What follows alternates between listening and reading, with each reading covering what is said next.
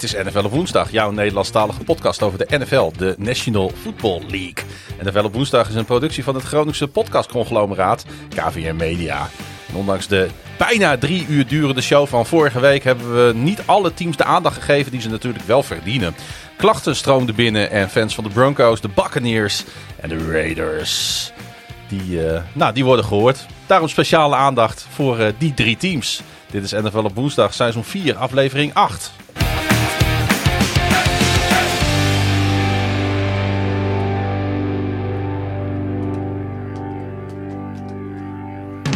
Zou het misschien wel kunnen, maar uh, ik ga het niet alleen doen vanavond, want uh, Pieter zit tegenover mij. Is dat zo? Ja. Oh, nou ja, dat ik hier zit of dat jij het alleen kan? Nou ja, ik zou het wel een keer kunnen proberen natuurlijk. Ah. Dat is een beetje, er wordt een monoloog. Uh, ja. Een beetje de vagina-monologen, maar dan over de NFL. dat is wel, ja. Nou ja, we kunnen het een keer als, als, als test doen. En dan mag jij ook natuurlijk, hè? Ik weet niet of ik daar uh, zin aan heb. Oh, oké. Okay. Om dat in mijn eentje te doen. Hey, heel veel mensen vragen zich natuurlijk af hoe gaat het met jou? Want uh, je bent uh, vorige aflevering natuurlijk extreem openhartig geweest voor een Groninger. Nou. Noemde je toen nog een Drent trouwens, realiseer ik me nu. Ja, ik, ik, ik was ook teleurgesteld. Maar jij bent een beetje allebei. Ik ben half ja. Drents, half Gronings. En ehm, ja, je hebt natuurlijk verteld over het ongeluk wat je hebt gehad in, het, in de binnenstad van Groningen. En uh, we zijn nu een week verder. En is er iets van verbetering? Is er iets veranderd? Of, uh... Het is allemaal nog een beetje hetzelfde. Het is, nee, nee het is wel een beetje beter ook. Maar okay. uh, het, wel... mijn gebit is nog hetzelfde. Ja. Dat gaat, gaan we volgende week hopelijk wat meer aan doen. Ze hebben nu je ego kunnen uitdeuken de afgelopen week? Ach, mijn ego, dat, dat is sowieso... Da, als je, daar kun je geen staatsgeld meer op krijgen, zeg maar. Zo gedeukt is hij al. Die, die hoef je niet in te leveren bij zo'n automaat. Jouw ego wordt weer uitgespuugd. Ja, mijn, mijn ego wordt geweigerd. Nog een beetje op Noorderzon geweest, Pieter? Ja, jij ook? Nee, nee ik ga misschien vanavond even. Ik, ik vind Noorderzon ook uh, eigenlijk niks voor jou. Want? Ja, dat gesjouw. Ja, nou, ja, een beetje door het plantsoen sjouwen met een potje bier, dat, dat, dat, dat kan ik ook nog wel. Ik dacht eigenlijk, ik vond, ik vond het eigenlijk heel duur, dat Noorderzon. Eigenlijk valt het ook wat mee. Ik dacht 5,5 euro voor, voor punt 4 liter bier. Ja. Maar ja, zo het toch Jan. Maar ik vond het eigenlijk gewoon heel duur. Maar toen dacht ik later, ja, maar volgens mij betaal je een beetje kroeg, betaal je ook al 3,5 voor, uh, voor, wat is het, uh, 0,25. Ja. En voor, volgens mij, uh, halve liter Hertog Jan is geen het, halve liter, want dat is 0,45 volgens mij. Volgens mij zijn de halve liters van Hertog Jan nooit helemaal een half Nee, maar ze hebben daar van die, van die, van die mat, uh, mat plastic uh, Ja, maar ik zit erna te denken wat, wat die kosten. Die kosten bij, in de meeste kroegen een euro of zes hoor. Ja, dus uiteindelijk valt het allemaal wel een beetje mee. Dus daar liggen zij nog onder, onder kroegniveau. Ja, of in ieder geval op kroegniveau. Ja. ja. Maar je gaat ook naar de horeca toe, hè? Ja, nee, ik, ik, ik, ik, ik, ik wat ik zeg, ik vond het eerst dat ik zoiets nou, vind ik zijn beste prijzen. Maar toen dacht ik er later over na, denk ik, ja, het valt ook eigenlijk allemaal wel mee. Ja, maar goed, wat voor jou natuurlijk een, een, een acceptabele prijs is, is dat voor een ander misschien weer niet, hè? Ja, maar dan kun je altijd nog met je, met je, met je blikje keizerskroon uh, daar gaan lopen.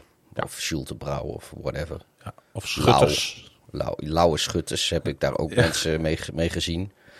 Dat, dronk ik, dat dronk ik vroeger wel eens in studententijd, schuttersbier. Ik, uh, ik heb... Uh, ik kan me niet meer herinneren hoe het uh, Ik hoe heb het een, een podcast collega van jou, van de Donag podcast, heb ik daar met lauwe, lauwe schutters zien lopen. Ja, ik ook. Want ik zag zelfs dat degene met wie die podcast collega was, die had het ingecheckt op Untapped. lauwe schutters? Ja, 2,5.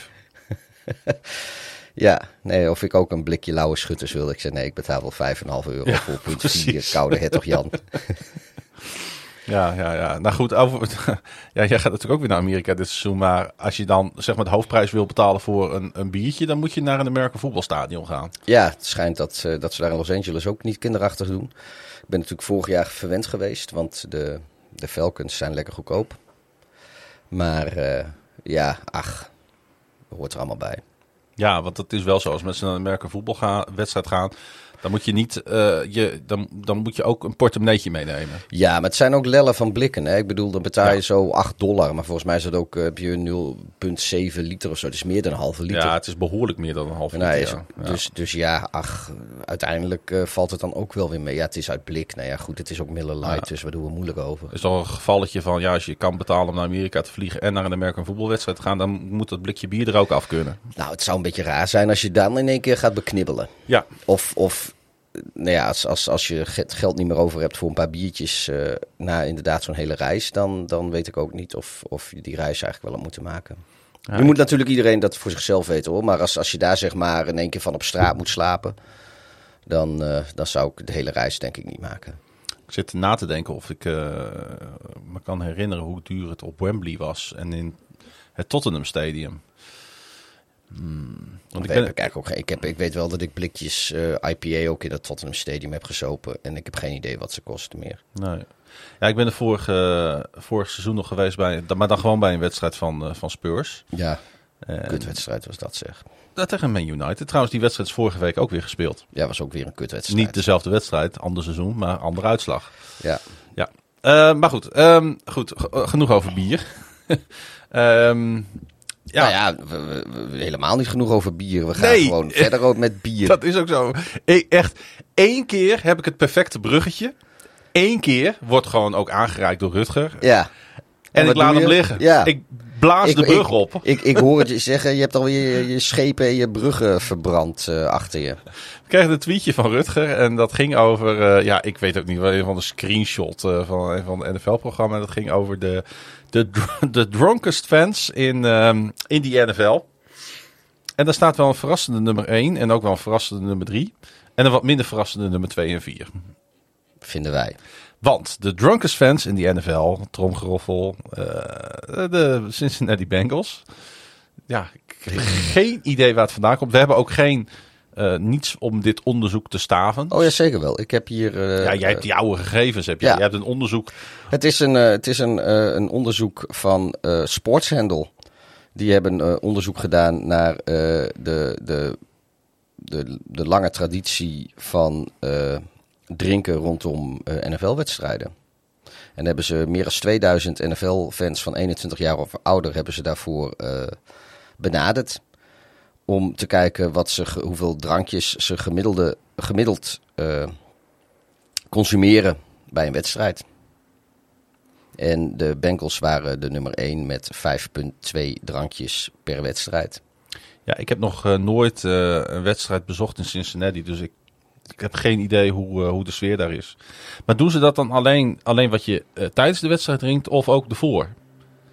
Want bij, de, e- bij het ene team is tailgate natuurlijk groter dan bij het andere. Weet ik niet. Dat, eh, Vroeg ik mij even af. Want, nou, ze want je, vra- je nee, kunt, ze je kunt zeg maar al heel prijs. dronken, je Ja. kunt al heel dronken een stadion inkomen. Dat en- klopt, dat klopt. Nou ja, ze, ze, ze, ze, ze vroegen naar hoeveel, eh, hoeveel drankjes je drinkt tijdens een wedstrijd en wat de prijs was. En dit onderzoek met de Bengals op één, dat, dat komt uit 2021. En in 2017 hebben ze het ook gedaan, toen wonnen de Cowboys. Nou goed, de Ravens staan in ieder geval op twee. De Bills op drie. En de Chicago Bears op vier. Ja, Of de Chicago Bears. maar de, de, de Bills en de Bears, die delen eigenlijk de derde plek. Want die drinken allebei 4,5 consumptie gemiddeld. Nou, ik ben wel bij de Buffalo Bills geweest. En eh, ik heb niet daar meer dan vier biertjes in de, tijdens de wedstrijd Dus gedronken. jij brengt het omlaag. Ja, ik heb het gemiddeld behoorlijk zelfs omha- omlaag gebracht. Ik denk dat ik in Chicago het wel omhoog gebracht heb. Ik heb namelijk een hekel aan. Weet je, ik vind het heerlijk om gewoon voor die wedstrijd een beetje bier te drinken op zo'n eh, op zo'n eh, verlaten parkeerplaats. Of nou, niet een verlaten parkeerplaats, maar wel een, eh, een parkeerplaats zoals je een parkeerplaats ook verwacht. Mhm. Met elkaar bier drinken op een stuk asfalt of een stuk grind. Ja. En dan in het stadion, dan, dan schroef ik het wat terug of zo. Want ik heb één, geen zin om de hele tijd naar de wc te gaan. Nou, ik hou het gewoon op.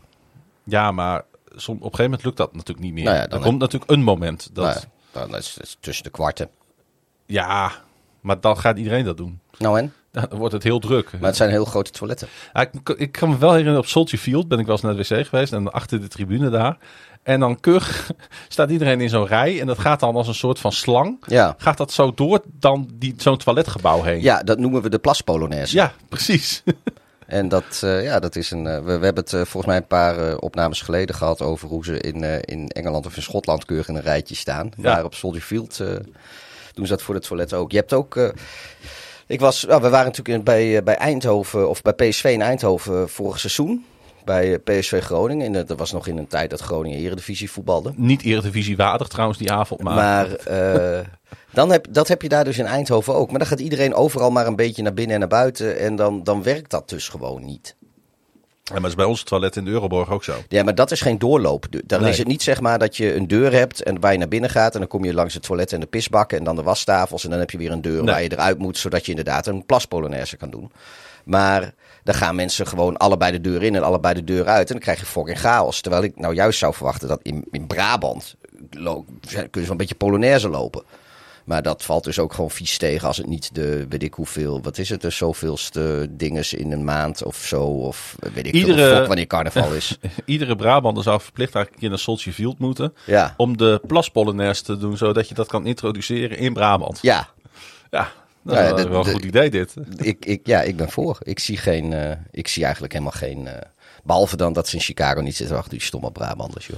Nou, nou, waarom zijn Brabanders nou weer stom? Oh ja, we hebben ook luisteren in Brabant. Sorry eh, mensen uit Brabant. Nee, maar die, die zitten dan weer met hun zachte G en zo. En dan... willen Frankie komt uit Brabant. Ja, nou, dan beginnen ze weer te eikelen over, over wat is het, worstenbroodjes en zo. Nou, dat hebben ze daar niet... Nou, wat, wat hier raakt worstenbrood. Ja, ze godverdomme een hotdog. Weet je, dat, dat heet hier gewoon anders. En, en ze hebben er ook geen Bavaria. Nou, dat... Is ja. ook niet mijn favoriete pils trouwens. Nee, dus dat... eh, Ik kom over het algemeen wel graag in Brabant. Maar in, wel niet op- in Eindhoven. Nee, nou nee, dat is niet mijn favoriete stad, nee.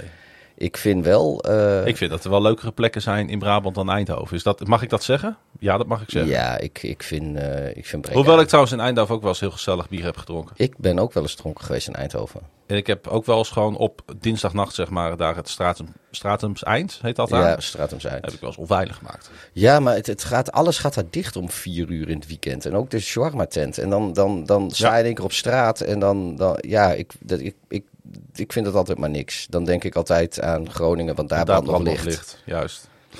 Ja. Ik, ik zit na te denken over de rest van het liedje ondertussen. Ja, De, nee, ik, weet, ik kom er niet op. zeg, wat is het dan? De, de straten zijn leeg, de kroegen zijn dicht. Dan denk ik aan Groningen, want daar brandt nog licht. Ja, Zoiets eh, zingt hij toch? ja. Maar ja, sowieso. Ik dat loop hier alleen in de doodstille stad. Ik heb altijd een schurft aan Brabant gehad. De straten zijn leeg, de kroegen zijn dicht. Wat dan wel weer klopt, is dat liedje van eh Arie Ribbens, is het Ja, toch? ja, Brabantse nachten zijn Ja, lang. Ja, als, je op de, lang. als je op de eerste trein moet wachten omdat je al een week vroeg uit de kroeg gezet bent. Ja, dan, eh, Die klopt dan wel weer. nou, eh, volgens mij kelderen in één keer onze luistercijfers uit Brabant. Die hebben even goed voor de schenen geschopt. En er zijn, eh, weet ik, eh, relatief veel luisteraars. In, er wonen ook veel mensen in Noord-Brabant Ja, natuurlijk. we Maar kunnen eigenlijk gewoon beter Friesland afzeiken. Daar hebben volgens mij niet zoveel luisteraars. nee, en dat interesseert me ook niet als die Nee. mensen niet meer luisteren. Nee, ik weet ook niet eens of ze ons wel verstaan. Nee, denk het niet. die moeten podcast met ondertiteling moeten die opvragen. Ja, ja dat doen we. Dat moet, omdat je zien, je. Eh, genoeg over dronkenschap en bier. Eh, eh, de Zoon. Ja, ook wel Dessen genoemd. Maar ik moet De Zoon zeggen. Vind ik nergens op slaan. hey, John die vraagt op Twitter. Gaat het goed komen met, met De Zoon als vervanger van NFL Game Pass? Zijn veel klachten, veel kritiek is er, Pieter, op, op de vervanger van. En volgens mij is de voornaamste klacht, correct me if I'm wrong, dat er nog geen Chromecast-functie op eh, de Zone zit. Ja, Chromecast kan niet met de zoon en downloaden van wedstrijden of, eh, En voor die minutes is ook of, of nog geen andere. NFL Network programma's eh, kan ook niet. Dus dat is wel irritant. Maar wacht even hoor. Ik heb, want ik heb binnen de Zone heb ik Game Pass aangeschaft.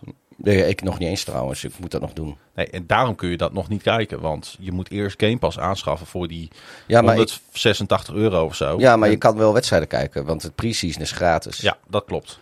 En de pre-season wedstrijden kan ik dus niet Chromecast als ik dat wil. Nee, maar ik kan volgens mij ook nog niet Chromecast. ook. Dus, dus ook al zou ik betalen, kan ik het nog niet. Maar nu kan ik wel. Maar ik heb gewoon het appje op mijn smart tv staan. Ja, nou dat is dus inderdaad wel. Dat had eh, NFL Game Pass niet zo. Ik, ik gebruik dan eh, vaak mijn PlayStation als mediaspeler. Eh, en daar is een keurige, keurige nette de Zone-app voor. Dus dat is dan wel weer makkelijk.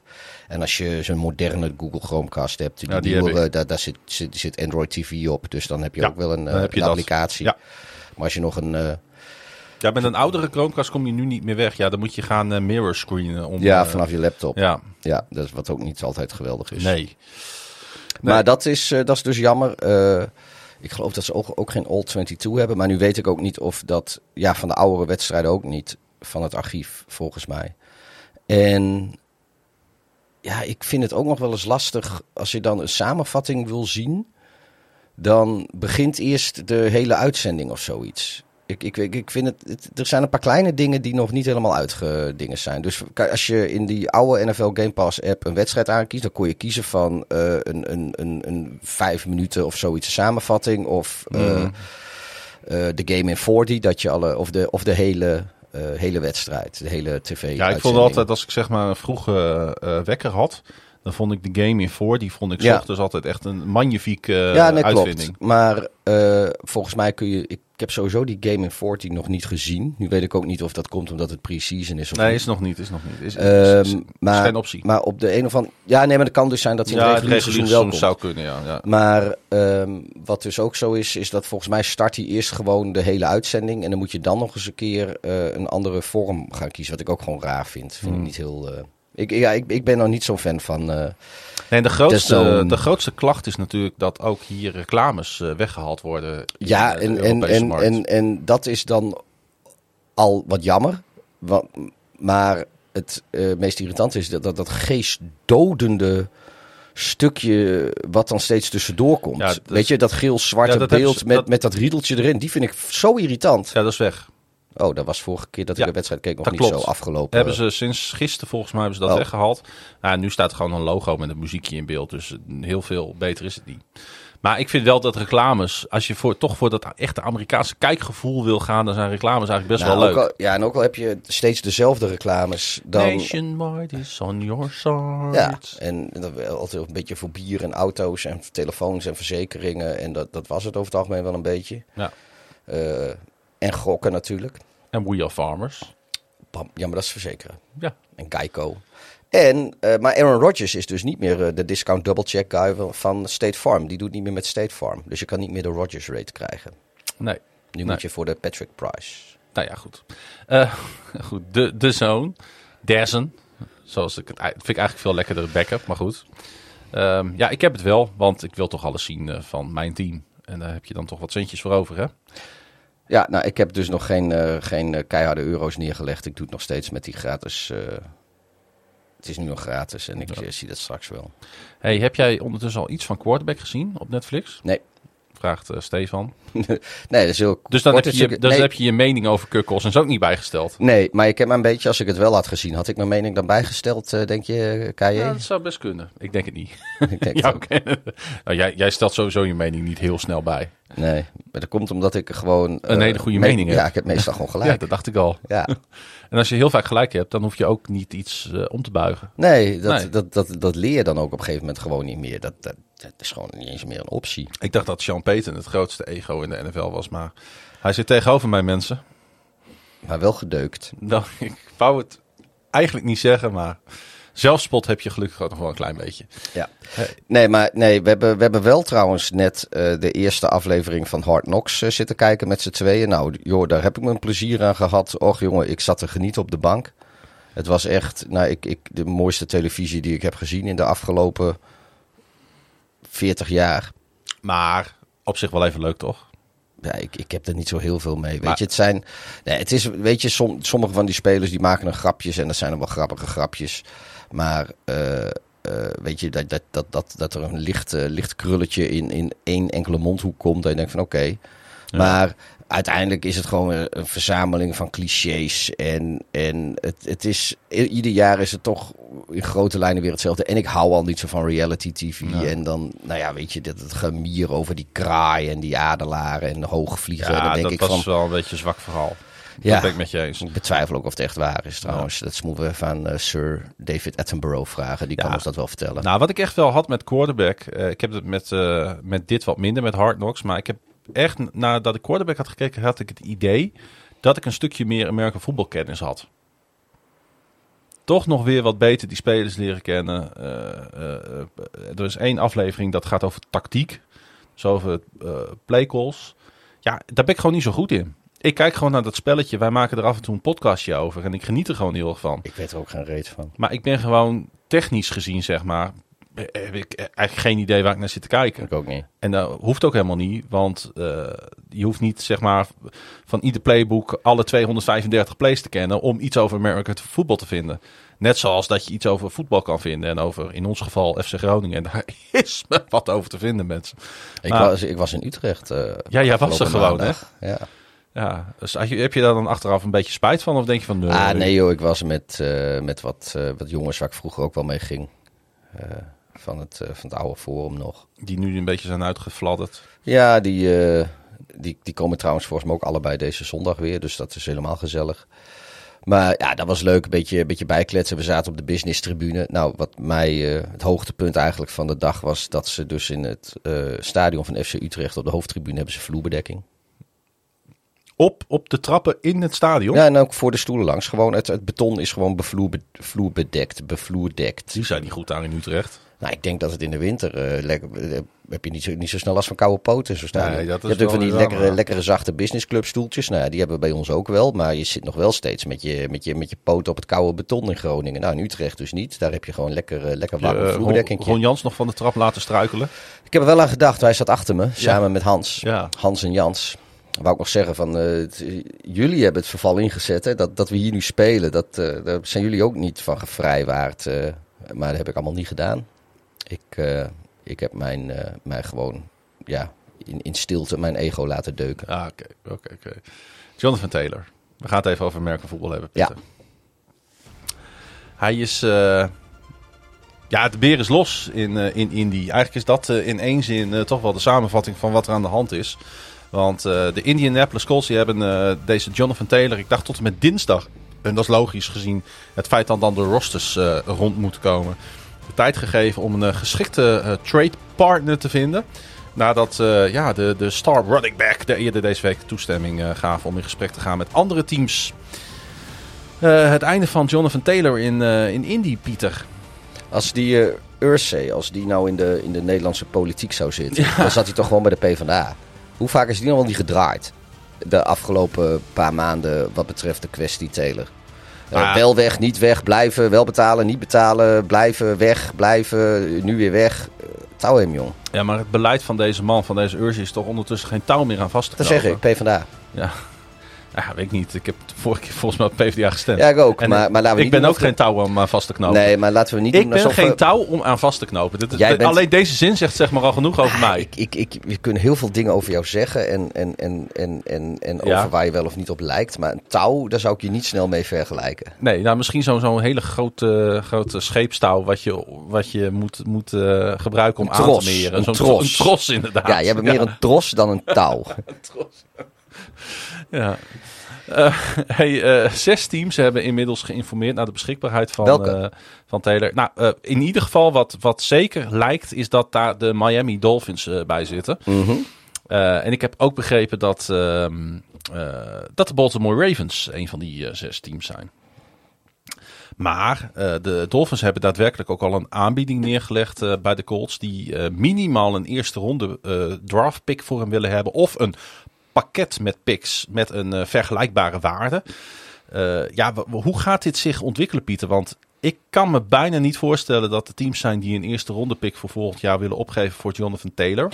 Ik, ik heb en de Colts zijn natuurlijk ondertussen op een soort van point of no return gekomen met deze speler. Ja, met al dat domme gelul van uh, die, die Ursay de afgelopen tijd. Hebben ze ook niet echt zichzelf een betere onderhandelingspositie gegeven. Nee. En ja, dat. Ik, en nou ja, wat sowieso uh, running backs uh, dik drafkapitaal insteken, ik ben er niet zo fan van. Kijk, als je, als je nou heel veel drafkapitaal hebt en je team is verder compleet en je mist toevallig een running back, dan zou je er eventueel uh, misschien wat mee kunnen. Maar dan nog vind ik een first overall voor Taylor die je volgens mij daarna ook meteen een contract moet geven. Ik vind het vooral allemaal zo ongemakkelijk en zo bij de Indianapolis Colts passen. Want uh, deze uh, controversie, die zelfs openbaar op Twitter uh, is uitgevochten hè, tussen ja. Urzay en, en Taylor een paar weken geleden, werpt gewoon een ongelofelijke schaduw over het pre-season op, de, op, deze manier van de Colts. Ja. het zou gewoon over een hoopvolle toekomst met Anthony Richardson moeten gaan. Over hoe gaan we deze organisatie weer opbouwen. En ze, ze lopen alleen maar ruzie en te rollenbollen met elkaar daar. Ja, die Urzay, en er verandert ja. gewoon helemaal niets op deze manier bij nee. de Colts. Nee, ik, ik heb ook niet zo'n hoge pet op van de Colts dit seizoen. Nee, ik ook niet. Maar ik heb vooral geen hoge pet op van deze uh, Urzay. Uh, die, die... Nou ja, die hele organisatie wordt natuurlijk al een beetje... wordt niet al te best gerund. Ik en bedoel... het is niet de eerste keer dat dit soort dingen voorvallen daar natuurlijk. Ja, kijk, ze hebben natuurlijk heel veel mazzel gehad uh, met Peyton Manning. En die heeft het daar hartstikke goed gedaan. Um, hoewel ik ook denk dat je met Peyton Manning daar misschien... als uiteindelijk misschien wat meer had kunnen doen. Uh, zodat hij de hegemonie van de, van de Patriots uh, in de AFC wat meer had kunnen aanvallen. Maar ze zijn toen zijn ze op Andrew Locke gestuurd door met, met een sok voor Lock season. En ja, die hebben ze eigenlijk gewoon in vijf, zes seizoenen hebben ze die, die gewoon vrijwillig laten stoppen met de NFL. Omdat die jongen die had zoiets van, nou weet je, ik vind mijn gezondheid toch belangrijker. Die hebben ze gewoon in al die tijd hebben ze die niet fatsoenlijk kunnen beschermen. Weet je nog wat een triestigheid dat was dat hij bij zijn laatste wedstrijd onder, onder boelgeroep en een streamend fluitconcert dat veld verliet? Ja, maar ik snap ergens wel, uh, de, daar zit context bij. Want toevallig zat ik die wedstrijd live te kijken waar dat gebeurde. Want dat was een pre-season oefenwedstrijd tegen de Bears. En uh, hij zou starten en in één keer zou, ging hij niet meer starten. Maar hij zat daar nog wel uh, bij het stadion en hij zwaaide wat met het publiek en hij deelde handtekeningen uit. En in één keer, hal, ergens in het eerste of tweede kwart of zoiets, wordt in één keer bekend dat hij Toen vertrekt. brak dat nieuws, hè? Toen ja. brak dat nieuws. Iedereen grijpt zijn telefoon ja. en ook die commentatoren van die wedstrijd. Wat de fuck is dit nou? Ja. En... Uh, ja, weet je, daar kan, ik me, daar kan me er ergens wel wat bij voorstellen. Uh, je gaat naar, die, naar, naar zo'n wedstrijd toe. Dat was nog in de tijd van vier preseason games. En uh, dat was dan een wedstrijd waarin de starters uh, zouden starten. En, en nou, heel veel mensen die een reguliere seizoenwedstrijd niet kunnen betalen of willen betalen. Of een keer met hun kinderen heen willen. En daar eigenlijk liever niet massaal geld voor willen neertellen voor die dure kaartjes. Die gaan naar die preseason wedstrijden. Maar ja, dan is het wel even leuk dat je de sterren ook een paar drives ziet. En als dat dan in één keer op het laatste moment niet gebeurt, dan snap ik, snap ik natuurlijk, het is nooit een helemaal garantie, maar ik snap wel dat je dan al wat gepikeerd bent. En als ze dan ook uh, in één keer zeggen, nou weet je, fuck it, stop ermee.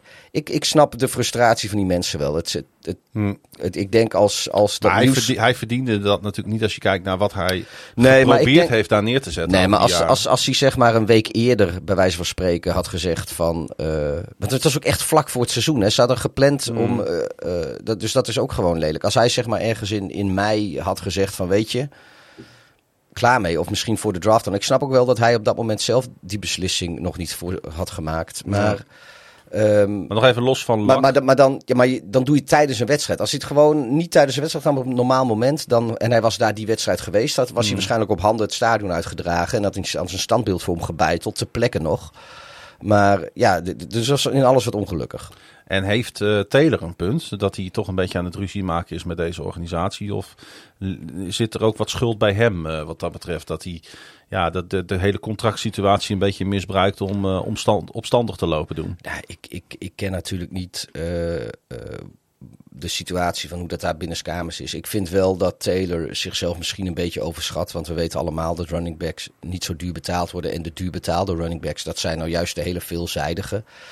Uh, en Taylor is een uitstekende running back. Maar dat is ook eigenlijk het enige wat hij echt is. Want hij is uh, niet buitengewoon bijzonder in, in uh, paasblokking. vangen is, is hij ook niet, niet heel geweldig in. Dus hij is vrij eendimensionaal als running back. Wat hij daar is hij ook goed in, weet je. Gewoon lekker er doorheen stampen. Laten we dat niet, daar is hij echt een van de beste in.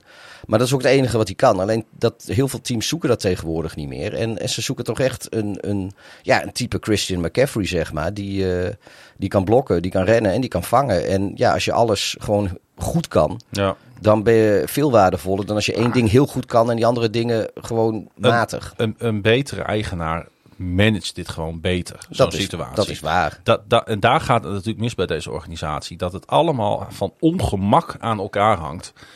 En, Ja, het is, het is gewoon typerend weer voor de Colts dat het zo gaat. Bij een andere organisatie was het misschien vloeiende gelopen. Maar ja, Ja. Ik, ik ken Taylor verder natuurlijk ook niet. Maar eh, ja, hij moet niet doen alsof hij eh, eh, eh, het uit de hemel is komen neerdalen om ons stervelingen te laten zien wat nou een echt een geweldige running back is. Zo goed is hij nou ook weer niet.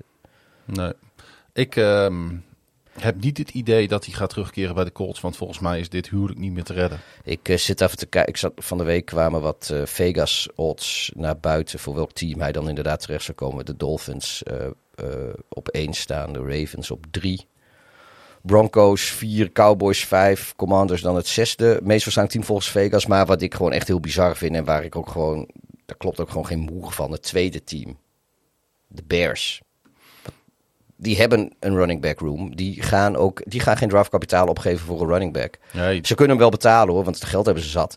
ja, de Bears willen lekker doorbouwen in de volgende Maar draft. ja, en, en, en die zitten al prima in de, in de running backs. Ik vind, vond het heel... Maar ja, waarschijnlijk willen ze gewoon het geld hebben. Maar dat vind ik een beetje... Ik, ja, Kijk, de- ik denk dat Miami het meest logisch is. Ja, want Miami die hebben een, eh, een, een, een running back room zonder duidelijke nummer 1. Nou, dat zou dan Jonathan Taylor gaan worden. en volgens mij hebben ze ook nog redelijk draftkapitaal over. Eh, ja, nou ja, goed. Kijk, voor Jonathan Taylor. En, eh, en, en, maar dat gaat niet, het gaat niet eens omdat ze draftkapitaal hebben. Het gaat erom dat de Miami Dolphins in een, eh, tegen een Super Bowl plafond aan zitten. Op dit moment. Dus die kunnen dit seizoen heel goed Jonathan Taylor gebruiken om nog wat meer op te schalen naar dat niveau waar ze naartoe willen. Want Ja. als alles daarin ook, we hebben vorige keer natuurlijk ook al gezegd, als alles in Miami valt zoals het valt en, en, en die defense die, die, die eh wendt aan eh Vic Fangio. En die Ja. aanval doet wat het vorig jaar ook deed met een fitte Ja, Tua. en je kan lekker pounden met Taylor. Ten Nou. eerste is dat, eh, is dat goed, want dat, dan hoeft Tua, die loopt helemaal geen gevaar. Die hoeft alleen maar een handoff te doen. Eigenlijk het enige wat daar mist, hè? Een, Dus- een goede running back voor Tua. Ja, dus die, die kan lekker die bal afgeven en, die, en zijn handen in zijn, in zijn mofje steken en, en zien wat er voor hem gebeurt. En dan heeft hij wat rust. Dus en, de vraag is dan eigenlijk, en zouden als de de- Dolphins een eerste ronde pick moeten gaan opgeven voor Zij zijn wel het team die het zou moeten overwegen. Ja, je zou, ja of, of misschien een wat latere pick en een, en een speler waar ze, waar ze Ja. weet ik veel. Ik, ja, ik, eh, Maar goed, de, Maar Colts, denk- de Colts worden er in ieder geval niet beter van, van deze situatie. Dat is wel duidelijk. nee, maar ik denk ook, ik, eh, no, ik denk, ja, er zal vast wel een team zijn die zo gek is, maar ik vind een eerste ronde pick vind ik ook echt wat te hoog gegrepen Ja. voor, een, voor een eendimensionale back. Ja, de Colts willen het, maar gaan het eh, dus in onze... Ik denk dat wij daar daarover eens zijn, gaan het waarschijnlijk niet krijgen. Ehm eens even naar een andere Nou situatie. ja, ik, wat eh, ik zei, er is vast een team die zo gek is, maar eh, het, het, het, het- dan ben je inderdaad gek. Hey, een andere situatie, eh, Pieter. In eh, San Francisco, want daar eh, zijn toch wel opmerkelijke dingen bezig. Niet echt, maar eh, wel als je kijkt naar hoe dat is gelopen de afgelopen jaren. Want het is nu toch wel, wij hadden het wel een beetje voorspeld, maar einde vooral voor Trey Lance. Ja, Want als je zelfs onder Sam Darnold komt te staan in de pickorde, ja, dan gaat het niet goed met je. Eh Cal Shanahan, de, de coach daar, heeft bekendgemaakt dat, ehm, nou ja, Brock Purdy, dat mag duidelijk zijn, de startende quarterback voor de 49ers wordt. Met dus achter hem eh, deze Sam Darnold, die we allemaal natuurlijk ook nog wel kennen. Hè? Van onder andere zijn tijd bij de New York Jets en de Carolina Panthers. Eh, Shanahan, ja, dat vind ik dan trouwens. Ik zit er dan naar te kijken, naar zo'n eh, naar zo'n interviewtje. En dan vertelt Shanahan. Ja, ik hoop dat Lance bij ons blijft, zelfs als potentiële nummer drie optie. Ehm, maar ik vind dat eigenlijk niet zo'n eerlijke opmerking. Maar Zeg gewoon waar het op staat en zeg gewoon: moet je luisteren, het is niet gelukt. En we gaan ervoor zorgen dat hij ergens anders eh, wel aan de bak komt. zal ik eens, eh, er zijn sinds 2000 zijn er 64 quarterbacks gedraft in de eerste ronde. En zal ik eens even een aantal quarterbacks noemen die meer wedstrijden voor hun oorspronkelijke, voor het team hebben gestart die ze gedraft heeft dan onze grote vriend Trey Lance. Dan kom je dus aan eh, Paxton Lynch, Johnny Manziel, Brady Quinn. Eh nou, Dwayne Haskins vind ik niet zo'n goed voorbeeld, want die, eh, maar goed, die heeft er ook meer gestart. Eh, Tim Tebow, Keizer, eh, Matt Leinart, Brandon Whedon, Jake Locker, Patrick Ramsey, eh, ja, Jamarcus Russell, J.P. Losman, Christian Ponder, dat is volgens mij de Christian Ponder. ja. volgens mij hebben ze die nog gebruikt in, de zak, in het zak voor lak seizoen bij, bij de Colts. Maar jongen, daar zitten namen tussen. Jason Campbell, ik denk van Joey Harrington. Ja, Joey Harrington, ja, oké. dat. maar goed, de, uh, ik denk van ja, dat, dat zijn allemaal mensen die, je- die je achter je laat. Ja.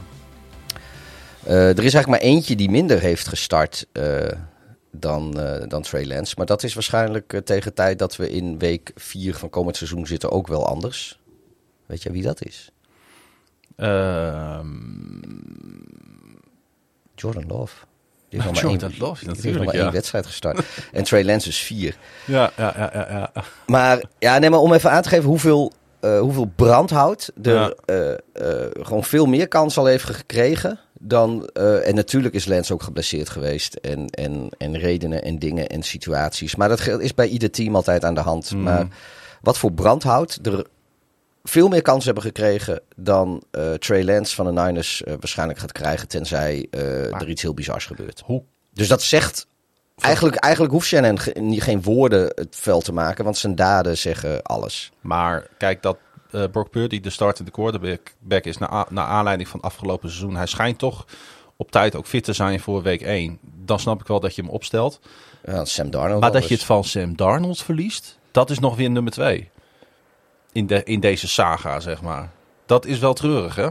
Nou, nu is Sam Darnold eh, eh, misschien ook wel gewoon beter.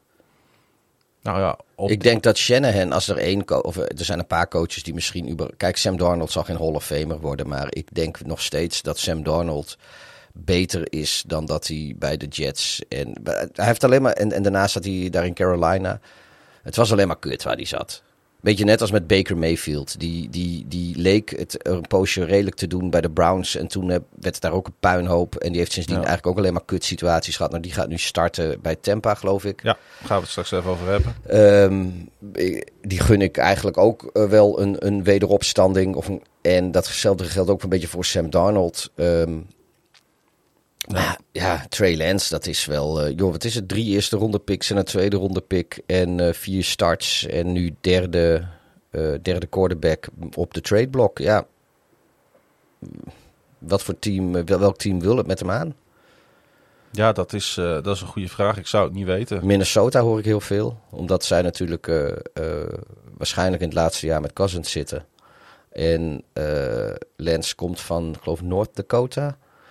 Of South Dakota. Een van de twee Dakota's in elk geval. Nou, dat is eh, Vikingsgebied. Dus Ja. het is eh, in, in die zin een semi-lokale boy.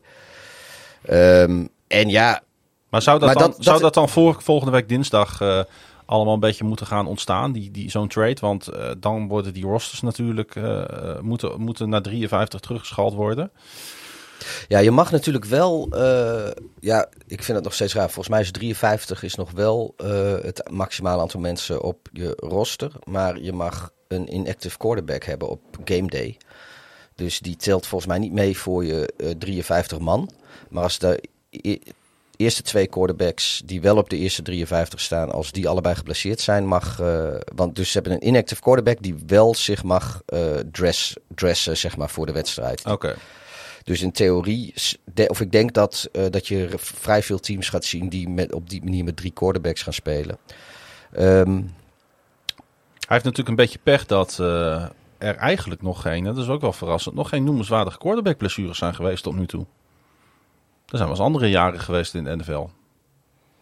nou het zegt. Ja, Nee, maar ik denk dat, dat, dat Trey Lance, die komt bij, eh, bij een team met een oude quarterback die eh, in het laatste of het voorlaatste jaar van zijn contract zit. En dat het team dan zegt voor een conditional seventh round of zoiets, eh, wil ik nog wel het aan om, die, om zo'n Lance erachter te, Hmm. te, te laten zetten. maar eigenlijk moeten de Niners wel een beetje, want ik heb begrepen dat als ze hem nu vrijlaten, als ze hem katten, dan eh, is dat bijna 15 miljoen dollar aan, eh, aan dead money. Nou, dat vind ik best wel veel. Ja. Zeker in de situatie waarin de Niners eh, zich bevinden. Ehm, en als ze hem verhandelen, dan zijn ze de komende twee seizoenen maar 5,5 miljoen aan dead money kwijt. Dus dat heeft nogal wat implicaties Ja. voor, de, voor, de, voor die Niners. Nee, dat klopt. Het, het, is natuurlijk wel een hele hoge eerste ronde pick geweest. Ja. En dat, dat kost knaken. Ja. Ik zou het ook wel wat vinden voor de Ravens trouwens. Als derde quarterback voor de Ravens. Ik bedoel, eh, eh, eh, onze grote vriend Lamar heeft natuurlijk de afgelopen jaren geen 17 wedstrijden in regulier seizoen kunnen spelen. Dan heb je Huntley, pro bowler. Huntley. Ja. Die, maar ik denk dat, dat mocht een van die twee uitvallen. Ja, Lens heeft volgens mij ook weer een beetje een vergelijkbare skillset. Ik denk ook dat hij misschien van die boys eh, wel weer het een en ander kan leren.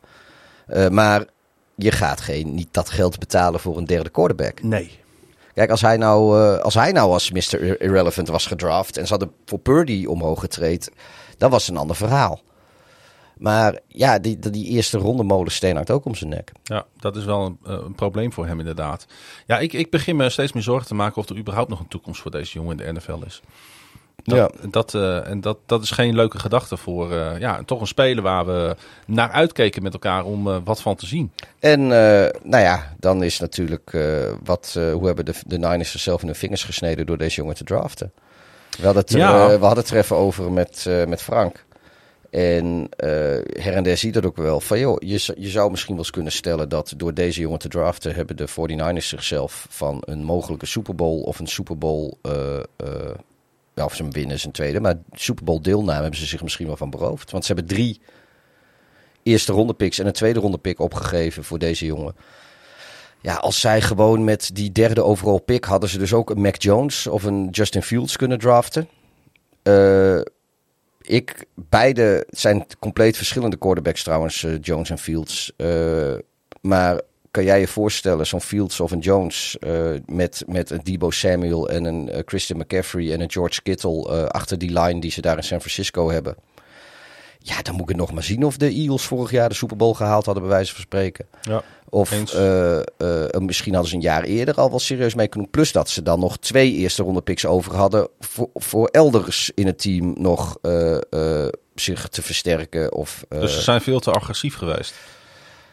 wel voor, Voor een quarterback Lance. die zich ook in college al maar deels had bewezen natuurlijk. Hè? Ja, die man die had volgens mij had hij nog geen, geen. In de twee jaar voordat hij gedraft had, hij volgens mij nog geen tien wedstrijden gestart. Want het was een COVID-jaar geweest waarin hij, geloof ik, niet gespeeld had. En het jaar daarvoor had hij volgens mij maar iets maar acht, acht of, of, of negen of misschien wel tien wedstrijden. Maar ik geloof dat hij had nog geen 400 passes gegooid vanaf zijn high school debuut tot aan dat hij gedraft werd of zo. Dat was echt heel bizar hoe weinig hij. eh, Kijk, en, en wat de Colts doen met Richardson is gewoon een speler kiezen op de positie die je hebt. Dat is Ja. nog weer een ander verhaal dan er voor omhoog draften. Wat Ja. natuurlijk ook de Carolina Panthers doen. Die nemen ook een ongelooflijk groot risico. Want als dat misgaat, dan is het de komende jaren natuurlijk ook gewoon Ja, nee, dat en kwel nee, in, dat, in dat, Charlotte. dat klopt. Als die, maar die Richardson, die heeft wel meer laten zien in college dan Trey Lance ooit heeft gedaan. Ja, dat is waar. En daarom, ja kijk, ik, ik, niet omdat Fields nu bij de Bears zit, en daar ben ik hartstikke blij mee. Dus prima dat de Niners gedaan hebben wat ze gedaan hebben. Eh, maar eh, Trey Lance en Justin Fields, die hadden eh, vergelijkbare skillsets, dacht, eh, werd verwacht. In ieder geval qua potentie. En waar Fields zich eh, eh, gewoon een mooi aantal seizoenen heeft bewezen, eh, in ieder geval twee, in, op, te- voor een grote school, tegen grote scholen, in grote wedstrijden, heeft van alles laten zien. Zat die Lance, die zat er ergens in die Mountain West Division voor North Dakota, zat hij, zat hij tegen, tegen mensen te spelen die nu allemaal al postboden of Maar weet ik veel wat kan, zijn. hoe kan het dat een team wat zo goed een roster kan bouwen, want de rest van het roster is, is magnifiek. Ja, Hoe kan het dat ze deze fout gemaakt hebben dan? Dat is eigenlijk toch niet te verklaren dan? nou, ik denk dat dat is te verklaren door op een gegeven moment. Is dat dan, de druk? Nee, ik denk dat je op een gegeven moment, omdat dat alles wat je doet pakt zo goed uit, dan denk je op een gegeven moment jou- dat jouw stront niet meer stinkt en dan eh, kun je geen fouten meer maken. En denk, ja, doen we dit ook, pakt ook goed uit. Pure overschatting. Ja, maar de geruchten gaan dus ook dat eh, eh, de ene, ik geloof dat, dat Shanahan die wilde, geloof ik, Mac Jones en Lynch die wilde Trey Lance, geloof ik. En eh, ik weet niet, helemaal, niet zeker of dat waar is, maar in ieder geval de general manager en de coach die wilden allebei wat anders. En uiteindelijk heeft, heeft een van de twee die heeft toegegeven aan de ander en dat blijkt dus achteraf niet zo best te zijn. Maar en het meest bizarre vind ik ook nog, ze hebben natuurlijk weken voor die draft hebben ze al eh, omhoog getraind naar die derde plek. Ik kan mij niet voorstellen dat Trey Lance, eh, ik weet niet eens wat hun oorspronkelijke plek was, maar eh, ik kan mij niet voorstellen dat Trey Lance daar niet meer beschikbaar was. Die, die was halverwege eind, eind. Ik weet niet hoeveel teams daar een first round grade aan hadden gehangen. Is misschien wel. ik geloof wel dat veel analytici dachten dat hij in de eerste ronde zou gaan. Maar ik weet niet eh, hoeveel teams hem boven dus Fields en Jones uh, van Alabama en van Ohio State, wat gewoon weer grote scholen zijn. Ik realiseer mij nu trouwens opeens dat Sam Darnold ook een uh, nummer 3 overall pick was. Ja. In 2018. Ja. Dus kun je, zie je maar weer hoe, uh, hoe, ja, het kan natuurlijk heel goed gaan als je wordt. Trevor Lawrence komt nu echt wel bovendrijven bijvoorbeeld.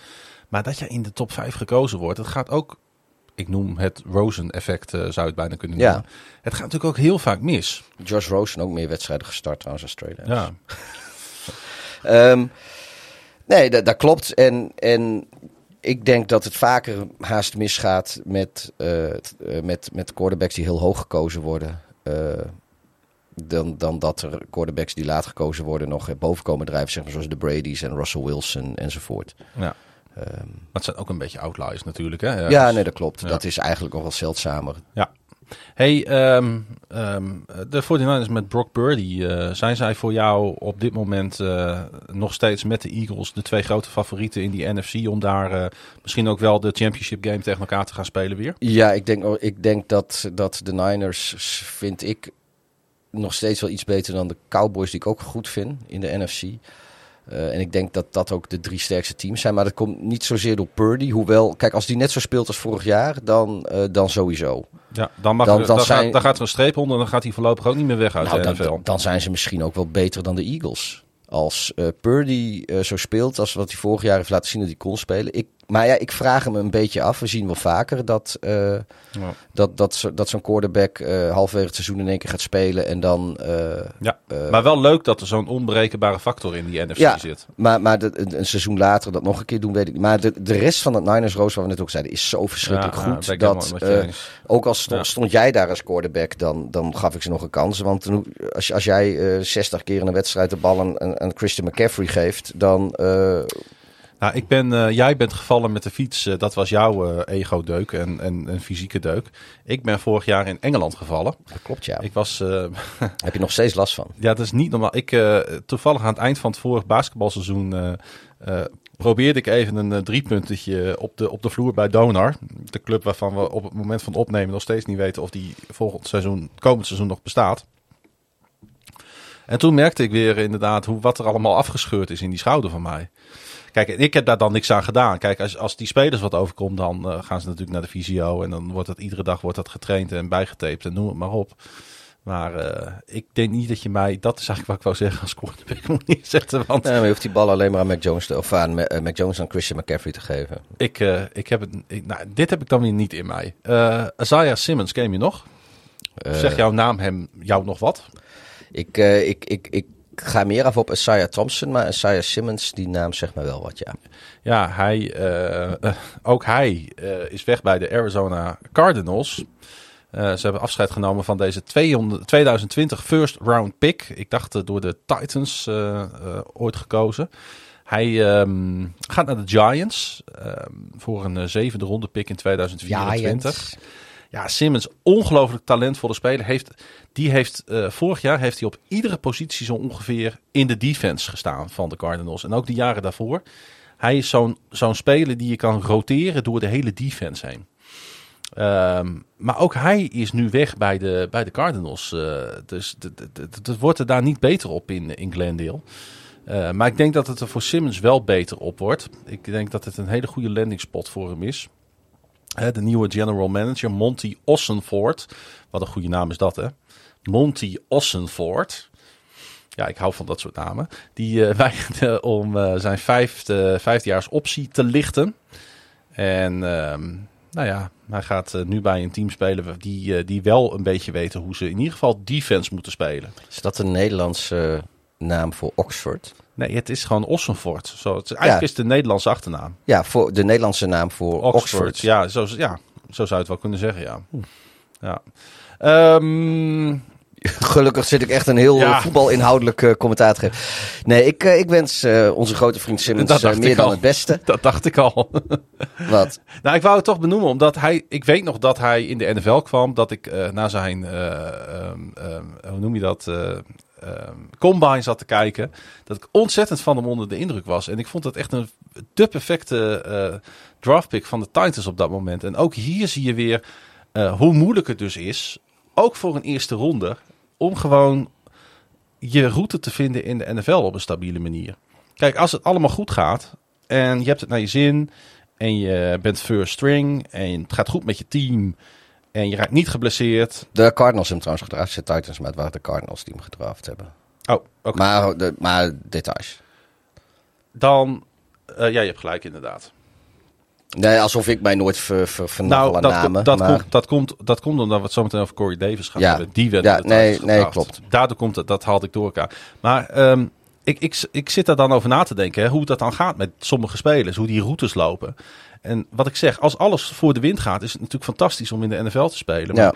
er zijn volgens mij meer spelers die eh, uiteindelijk ongelukkig uit deze Ja. league komen dan gelukkig. Maar je hebt natuurlijk ook, wat heel veel gebeurt is, eh, eh, zeker bij, ja, voor- vooral eerste ronde picks, waar dan vaak veel van verwacht wordt, maar die,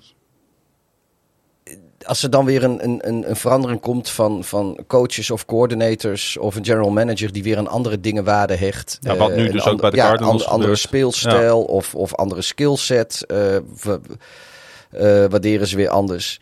Ja, dat, dat, dat kan in één keer een hele groep spelers eh, eh, op, op, op, op, de bubbel zetten. Ja. Van ja, god, jullie gaan, eh, je zoekt maar, zoek maar wat anders. En ja, dat is heel lullig, want dan kun je nog zo je best doen. En dan kun je nog zo goed zijn. En als je gewoon echt goed bent, dan over het algemeen kom je wel weer bij een ander team terecht. Maar eh, het kan ook maar zo zijn dat je, dat je gewoon niet meteen gekut wordt. Omdat ze, omdat ze nog wel natuurlijk wat, wat warme lichamen aan de zijlijn moeten bewaren. Voor als er eens wat gebeurt. En dan speel je eigenlijk niet zoveel. Dan word je third stringer of, of, of weet ik veel wat. Maar ze willen je, je wordt dan ook nog niet meteen weggetraind. En zeker rookies eh, vragen ook niet snel om een trade zolang hun contract nog loopt. Ja, en tegen de tijd dat hun contract dan afloopt, dan zijn ze al bijna weer vergeten. En als ze dan nog ergens aan de bak willen, moeten ze zich melden in een trainingskamp. En als dat allemaal alweer een beetje voorbij is, ja, dan kleer je heel snel wevers. En dan, ja, dan, dan kom je niet zomaar weer aan de bak. En waar het natuurlijk ook nog eens eh, op vastloopt vaak, is dat je dan maar een paar momenten hebt tijdens een preseason game of tijdens trainingskamp dat je je kan bewijzen. Ja, Dus het is heel moeilijk om als je eenmaal een beetje uit die gratie raakt, om er weer bij te komen. Want ik heb eh, even zitten kijken naar de oefenwedstrijd tussen de Chiefs en de eh, Cardinals. En daar zag ik hem spelen. En eh, hij liet sowieso zijn man lopen voor een touchdown. Volgens mij was dat Justin Watson bij de Chiefs. En vervolgens kon hij de backup van de backup van de backup quarterback van de Chiefs niet bijhouden. Want hij, eh, hij is ooit gerecruiteerd als safety. Hij is meer dan 3000 snaps is hij ingezet als linebacker bij de, eh, bij de Cardinals. En hij kon het gewoon niet bijbenen in die wedstrijd. Maar toen dacht ik wel van ja, dit, dit is wel sneu en zonde van zo'n eerste ronde pick. En nu gaat hij voor een... ja, Oké, de Cardinals krijgen er in ieder geval nog een zevende ronde pick een voor. apple en een egg. Dat is het wel, ja. Isaiah Simmons. Ik ben benieuwd of hij nog een beetje aan de bak komt bij de Giants. Of ze hem daar kunnen oplappen. Ze spelen trouwens in week 2 tegen elkaar, de Giants en de Cardinals. Ja. Ehm, Corey Davis, ehm, toch wel verrassend. New York Jets wide receiver Corey Davis. Ehm, hij was de afgelopen weken al niet meer bij de teamactiviteiten. En hij heeft gewoon eh, pensioen. Ja. We hadden vorige week ook al zo'n speler. Hè, bij de Bills. Hij heeft een poosje met Aaron Rodgers rondgelopen en had zoiets van, nou, Ja, dat zal hier, heb het ik, zijn. hier heb ik geen zin in. Dat zal Dit, het eh, zijn. deze poppenkast eh hoeft voor mij niet. Maar het is wel opvallend hè, dat spelers deze keuze maken. Want eh, de man had gewoon, oké, het was niet gegarandeerd, maar had gewoon dit seizoen eh, meer dan 10 miljoen euro kunnen, eh, dollar kunnen verdienen. Eh laatste jaar van zijn contract. Maar ik denk ook dat hij, want jij, jij zegt dat nu, maar er zit wel een kern van waarheid in wat je zegt. Je bedoelde het niet als kern van waarheid, maar het is natuurlijk wel zo. Want met de komst van Aaron Rodgers Ja, is ook daar een nieuw bewind gekomen. Hij heeft Ellen Lazar opeens als concurrentie gekregen. McCall Hartman, Randall Cobb. Ja, Dat zijn de receivers die Aaron Rodgers wilde. Aan de andere kant, kijk, als hij kiest voor zijn gezondheid. Zo, kijk, zolang ze hem niet treden en hij niet zoveel speelt en hij wil dat, ze, dat die, die centen binnenhakt, is het natuurlijk mooi makkelijk verdienen voor alleen maar eh, één keer in de week eh, eh, te, je kleren aan te doen voor zo'n wedstrijd. Ja, En, en, en dan speel je een handvol snaps, weet je. Het is, dat, dat is wel serieus goed voor je gezondheid om op die manier die 10 miljoen te verdienen. ja. En dan ga je daarna stoppen. Maar het heeft toch ook uiteindelijk... Ik, ik denk dat hij toch wel de vrees had dat hij eventueel het 53-man roster niet eh, zou halen. Met deze concurrentie. Dan loop je wat te eikelen eventueel op de, op de practice squad. Daar word je Ja. ook niet vrolijk van. De man heeft behoorlijk wat duiten binnen gehad. Heeft ondertussen een gezin met een vrouw en twee fantastische kinderen, zoals hij dat zelf omschrijft. Waar hij meer tijd mee wil doorbrengen. Ehm, hij zegt, dit is gewoon mooi geweest. Hè, ik, zei, ik, ik, ik liet die quote even aan jou horen. Hij zei, ik ben geen diepzinnig persoon. Ik ben een diepzinnig persoon, maar een man van weinig woorden. Ja. ja, dat vond ik eigenlijk een fantastische quote, dus die wou ik even noemen. Ehm, maar hij, eh, ja, hij stopt. Ik vond het wel een hele leuke speler altijd om te zien, Davis. Ja. Dus eh, nou, bij deze is hij ook even genoemd en geroemd. Dat vind ik altijd belangrijk, hè? dat weten jullie. Dat, eh, dat we spelers die, die niet zo vaak voorbij komen, toch ook even, zeker als ze stoppen, even op het voetstuk eh, hijsen. En eh, inderdaad, hij werd wel door de Tennessee Titans gedraft. In eh, 2017 was dat. Ja. hey, Ja. dat, eh maar Davis heeft er geloof ik nog een stuk of vier playoff wedstrijden voor ze gespeeld. Een paar touchdowns gemaakt. Corey Davis, Ja, zeker. Dat is een die, belangrijke schakel hoor, bij de, bij de Titans.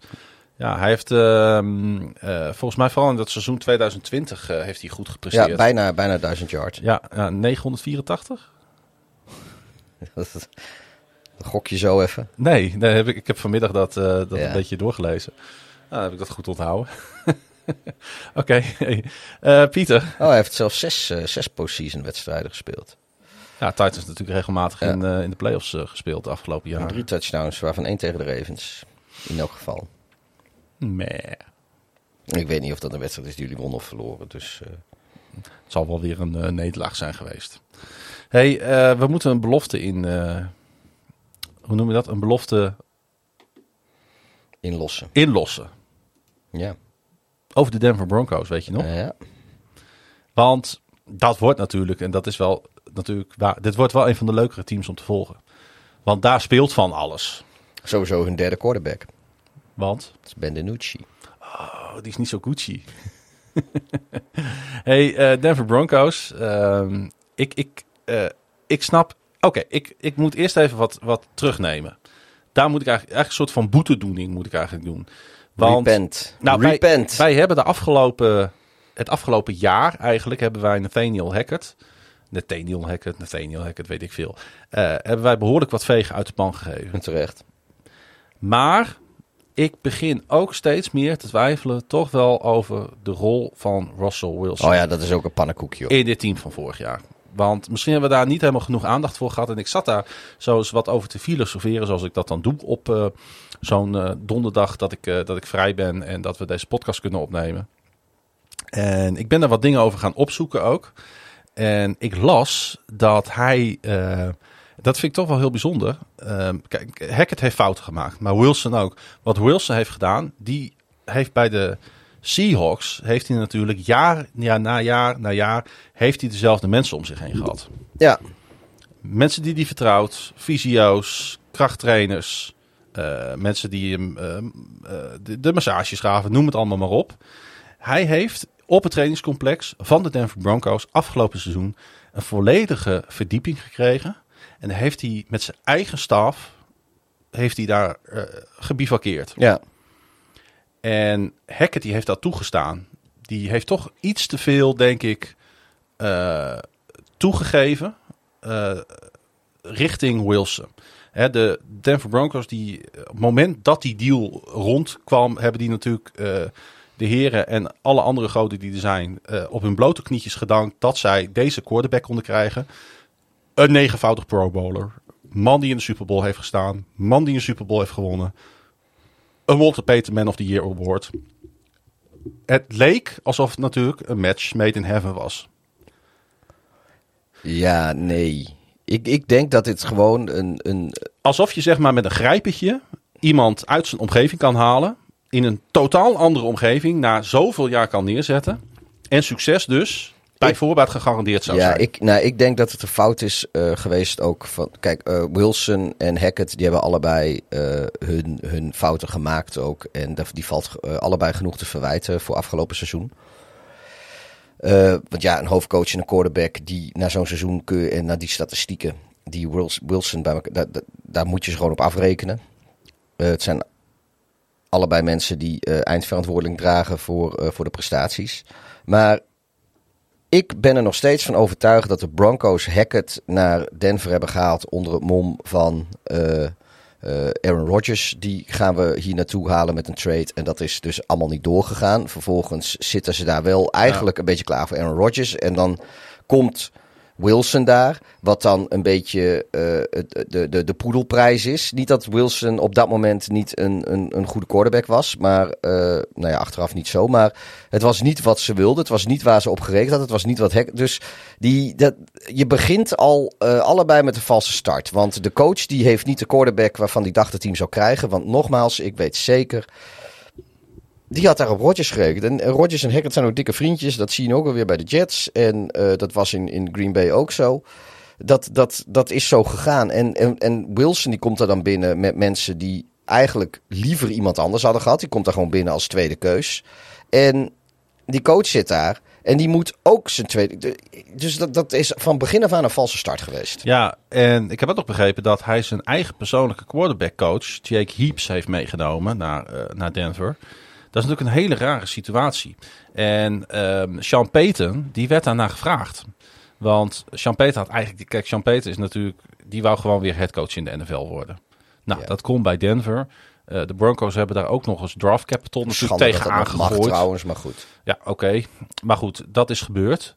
Uh, en toen werd hem gevraagd, en ik heb die persconferentie nog maar eens even teruggekeken. Zijn eerste persconferentie werd dit, wat ik nu net, net zei over dat hij zijn eigen coaches meenam, dat hij een hele verdieping kreeg. Ja. Helemaal los van het team, van de hele Broncos-organisatie, draaide eigenlijk dus Russell Wilson zijn eigen NFL-franchise. Met zijn eigen mensen, wat natuurlijk al een heel raar iets is. En dan wordt uitgerekend Sean Payton wordt de nieuwe coach van de Denver Broncos.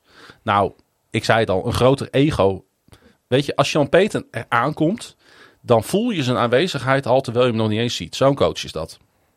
Ik denk dat er weinig mensen zijn in de NFL met een grotere mond. En, en, en, en, en, en die meer hun stempel op de omgeving drukken dan Sean Payton. Zou kunnen. Je kunt ja. van alles van de man zeggen en vinden. Maar in ieder geval dat hij uh, niet op zijn mondje gevallen is. En dat zijn wil ook uitgevoerd moet worden. Ja. En ik denk ook dat de Denver Broncos zo'n coach nodig hebben. Maar ik ben er bang voor dat juist de combinatie Sean Payton en Russell Wilson niet gaat werken. Nou, ik denk dat, uh, dat Russell Wilson uh, meer dingen van. Ik denk dat hij meer respect heeft voor Sean Payton uh, dan dat hij ooit voor Hackett heeft gehad of kon krijgen. Ja, maar Sean Payton die heeft al gezegd. Wat, je, wat jullie mij nu vertellen, want die had geen idee hè, ja. over, over die verdieping en die eigen coaches en zo. Hij zei: dat gaat dus niet gebeuren. Nee, maar ik denk dus dat... Dat, dat Wilson, gaan we niet doen. Nee, maar ik denk dat, dat Wilson het makkelijker vindt om dingen van Peyton aan te nemen dan van Hackett. Kijk, Hackett, daar, die, die, die kon hij zelf... Uh, uh, hoe heet dat? Uh, ja, die, die, kon hij zeg maar een beetje overtoepen met, met, met zijn eigen ego. Mm. En met zijn eigen dingen. Want ja, hij was tenslotte de, de, de negenvoudig Pro Bowler, enkelvoudig Super Bowl winnaar Russell Wilson. En ja, nu staat daar gewoon iemand die, uh, die in elk geval net zoveel Super Bowls heeft gewonnen als hij. Want hij zei in diezelfde persco, zei hij, ja, weet je, als ze nou, als de Denver Broncos nou vorig jaar succes hadden gehad, dan had niemand iets gegeven om die vergaderruimte daar op die tweede niet. verdieping. Natuurlijk niet. Had je niemand daarover gehoord. Maar niemand hoort je toch ook over, over Tom Brady met zijn met zijn avocado shake fabriek daarin uh, en, en zijn eigen consultancy gedoe. Die had, die had er ook een, een complete... Uh, hele rare constructies rondom de Patriots toen hij er zat. Ja, dat interesseerde niemand wat. Nee. Het enige misschien is, uh, is of dat uh, financieel allemaal wel klopt qua salary cap. Maar dat, dat zal, want de NFL heeft daar nooit wat van kunnen bewijzen. En als zij Brady hadden kunnen schorsen weer voor iets, hadden ze dat vast wel gedaan. Dus dat, dat, dat zal wel zuiver op de graad geweest zijn. Maar uh, ja, als je wint, is dat allemaal geen probleem. Het wordt net als Romario uh, bij PSV, die, die toch zei van... ja, als je drie keer scoort, dan, dan mag je naar het Braziliaans carnaval in Rio. Ja. En dan speelde een wedstrijd en hij scoorde voor rust, scoorde die drie keer. En hij gaat in, de, in de rust in de kleedkamer, begint hij zich om te kleden. En die coach zegt, ja, dus je gaat het vliegtuig pakken, ga naar Brazilië, hoi. Weet ja. je, dat, dat, nie, niemand doet daar moeilijk over, zolang je presteert.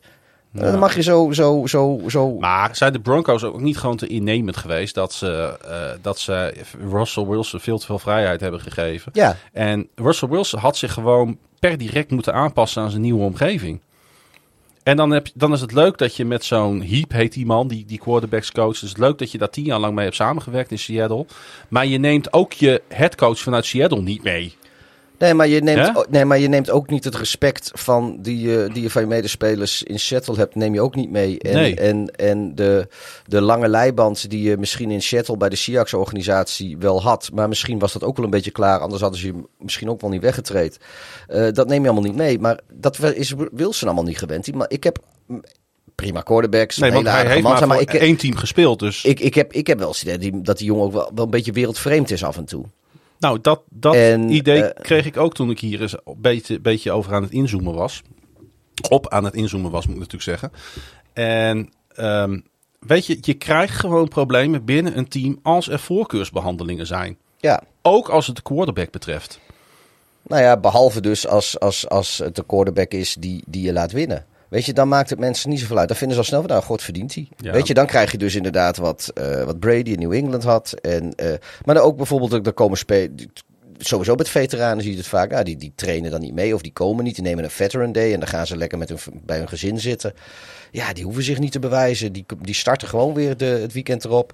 En dat is, dat is op zich geen ramp. Nee. Maar het, moet wel, maar het is de taak van de, van de coach en van de staf om te zorgen dat dat de dynamiek van het team niet nadelig beïnvloedt. En dat is natuurlijk, daar, kijk, daar heeft Hackett natuurlijk weer eh, zichzelf helemaal laten gaan. Maar ook eh, vorig jaar, eh, Pieter, toen het niet werkte, hadden de Broncos een bijzonder goed team staan. En ik vind ook nu, als je naar hun roster kijkt, dat er weinig mis mee is. En, en dat was het vorig jaar was het ook. Ik vind hun receivercorps met Jerry Judy, Cortland Sutton vind ik uitstekend. En Marvin Mims is een hele goede eh, draft pick geweest. Eh eh, Peyton heeft eh, Adam Troutman uit eh, New Orleans gehaald. Was een tight end waar ik eh, toen hij eh, begon erg fan van was. Het is niet uitgekomen, maar het zou best kunnen dat het er in deze aanval wel uitkomt. Bovendien heeft Greg Dulcich best wel goed gespeeld vorig jaar, de tweede tight end. De O-line hebben ze ontzettend in geïnvesteerd. En terecht natuurlijk.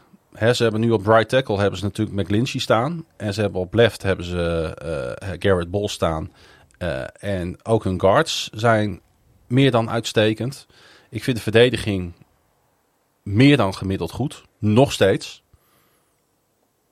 Hè, Randy Gre- Gregory, Oh, ja, ja. linebacker. Surtain op cornerback. Eh, de uitmuntende Justin Simmons op safety. Eh, ze hebben Zach Allen op eh, defensive end gehaald van de Cardinals. Frank Clark.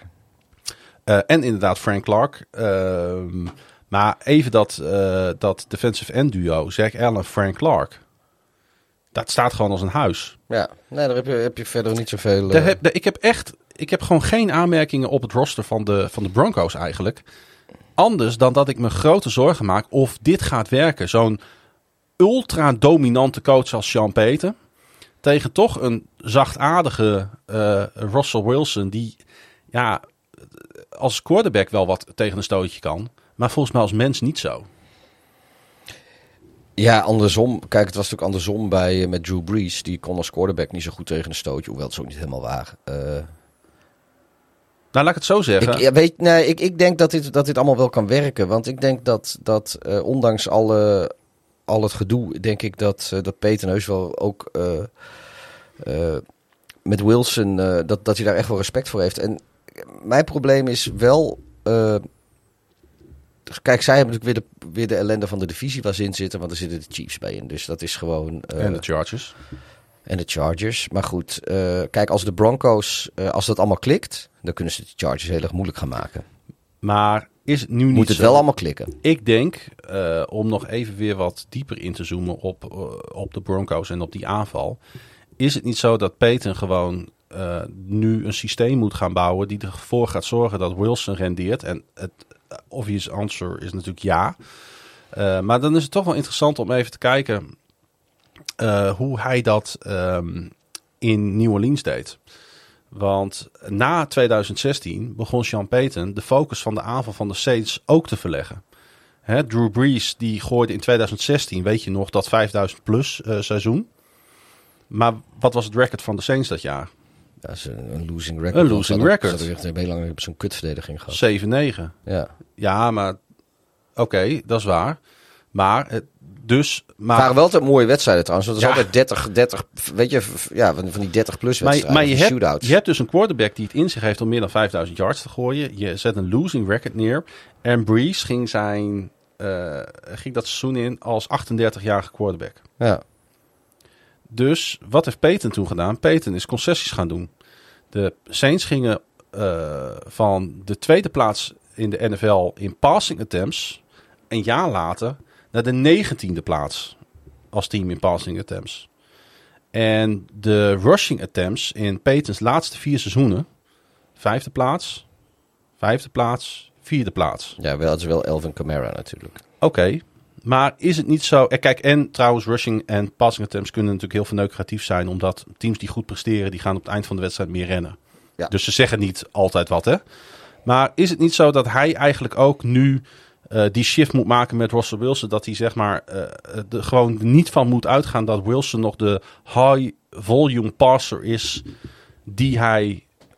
Waarvan ze hopen dat hij dat is. En zou dus niet veel meer moeten gaan leunen op de run game. Zodat Wilson veel efficiënter kan gaan spelen. Dus Peter moet gewoon nu een goed systeem gaan bedenken. En dan kan het best wat worden met de Broncos. Ja, of, Maar dan moet Wilson hem wel vertrouwen. Ja, of eh, hij bouwt gewoon eh, een, een gedegen systeem. En daar heeft Russell Wilson zich maar in te, in te redden.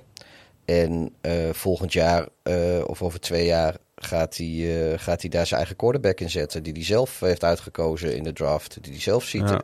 Maar komt hij nog uit dit, uit dit, uit dit wak, uit, uit dit dal? Want, van- Wilson. ja, want oké, ga ik nog. Jij had net een mooie statistiek over, ehm, over Trey Lance. Laat ik er dan eentje over Wilson noemen. Van de 384 quarterbacks met 300 attempts in één seizoen sinds 2012 stond Russell Wilson's passer success rate vorig seizoen op de 374ste plaats. Om even aan te geven hoe allerbelabberdst het was. Ja, het was echt heel slecht. Ja. Hij had quarterbacks bij hem in de buurt staan als Mike Lennon, Blaine Gabbert, De giraf. De Sean Kaiser, Zach Wilson, Josh Rosen. Hebben we ze weer allemaal. Weet je, en Trey natuurlijk, Lance. en natuurlijk, nee, maar die heeft geen, eh, geen 300 attempts gehad. Dat is de statistiek. Ja. Maar kijk, en we hebben natuurlijk die statistieken niet nodig, want we hebben met eigen ogen ook kunnen zien hoe verschrikkelijk allerberoerdst het natuurlijk vorig seizoen was. Maar het was geen outlier, natuurlijk. Het was, het was nog daaronder. En ik vraag me echt af of met, met een paar Ja, vingerknippen. Ik weet niet of Wilson nog Wilson wel is. Dat, moeten we, dat, Nou, dat- dat, dat moeten we echt zien. En dan moet hij ook nog eens nu weer wennen aan een nieuw regime om hem heen. Een nieuwe coachingstaf. En dan ook nog eens die ene coach die geen tegengeluid duldt. Ja, Dus ja, ik maak mij toch wel. Ik maak mij meer zorgen, denk ik, over de Broncos dan, eh, dan heel veel anderen. Ik zie heel veel mensen de Broncos, omdat nu die verandering in coaching heeft plaatsgevonden, zie ik de Broncos opeens op een winning record zetten. Daar nee, niet- nee, dat, is zo. Kijk, ik, ik, als alles klopt, als alles klopt. En je hebt de oude Wilson weer, ja, dan kunnen ze het misschien best de Chargers Ja. moeilijk gaan maken. Maar het is zo'n ik als zie verhaal. Het, ik zie het niet kloppen. Want ik denk dat Wilson veel, veel te veel uit zijn comfortzone moet. Hij moet veel te veel eh houvast die hij in het verleden heeft opgebouwd, moet hij nu opzeggen. Ja. Is dit, eh, is dit het bewijs dat. Eh, of nee, moet ik anders zeggen. Bewijs dit dat de situatie waar je als quarterback, als je gedraft wordt, in terechtkomt. misschien wel belangrijker is dan het talent wat je hebt. Want iedere, iedere quarterback die, eh, die eligible is voor de draft, heeft een, een zekere, zekere mate van talent. eh, uitzonderingen daar gelaten. En dus Wilson is natuurlijk in de derde ronde gedraft. Dus dat betekent dat alle 32 teams minimaal twee keer langs hem heen gekeken hebben. Om redenen. Eh, en hij kwam daar in Seattle in een redelijk gespreid bretje terecht. Met een coach die, eh, die de boel goed voor elkaar had. Eh, een verdediging die verschrikkelijk goed was. Die, die, die het werk hem zeker niet lastiger maakte. En eigenlijk kwam alles hem aanwaaien. Ik zou het licht ook gewoon weer uitdoen hoor. Want ik zie de muggen nu al naar binnen komen. nee, dat?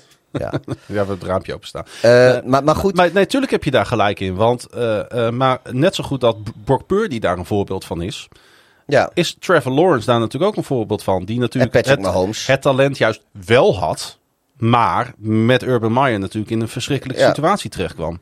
Ja, nee, ja, nee, precies. Dus dat, eh, kijk, eh, nou ja, goed, Mahomes net zo, weet je. Die, eh, Dat was een vrij rauw talent. En die kwam in de best mogelijke situatie daar in Kansas City terecht. En nu zal hij altijd wel een, een hele goede quarterback geworden zijn.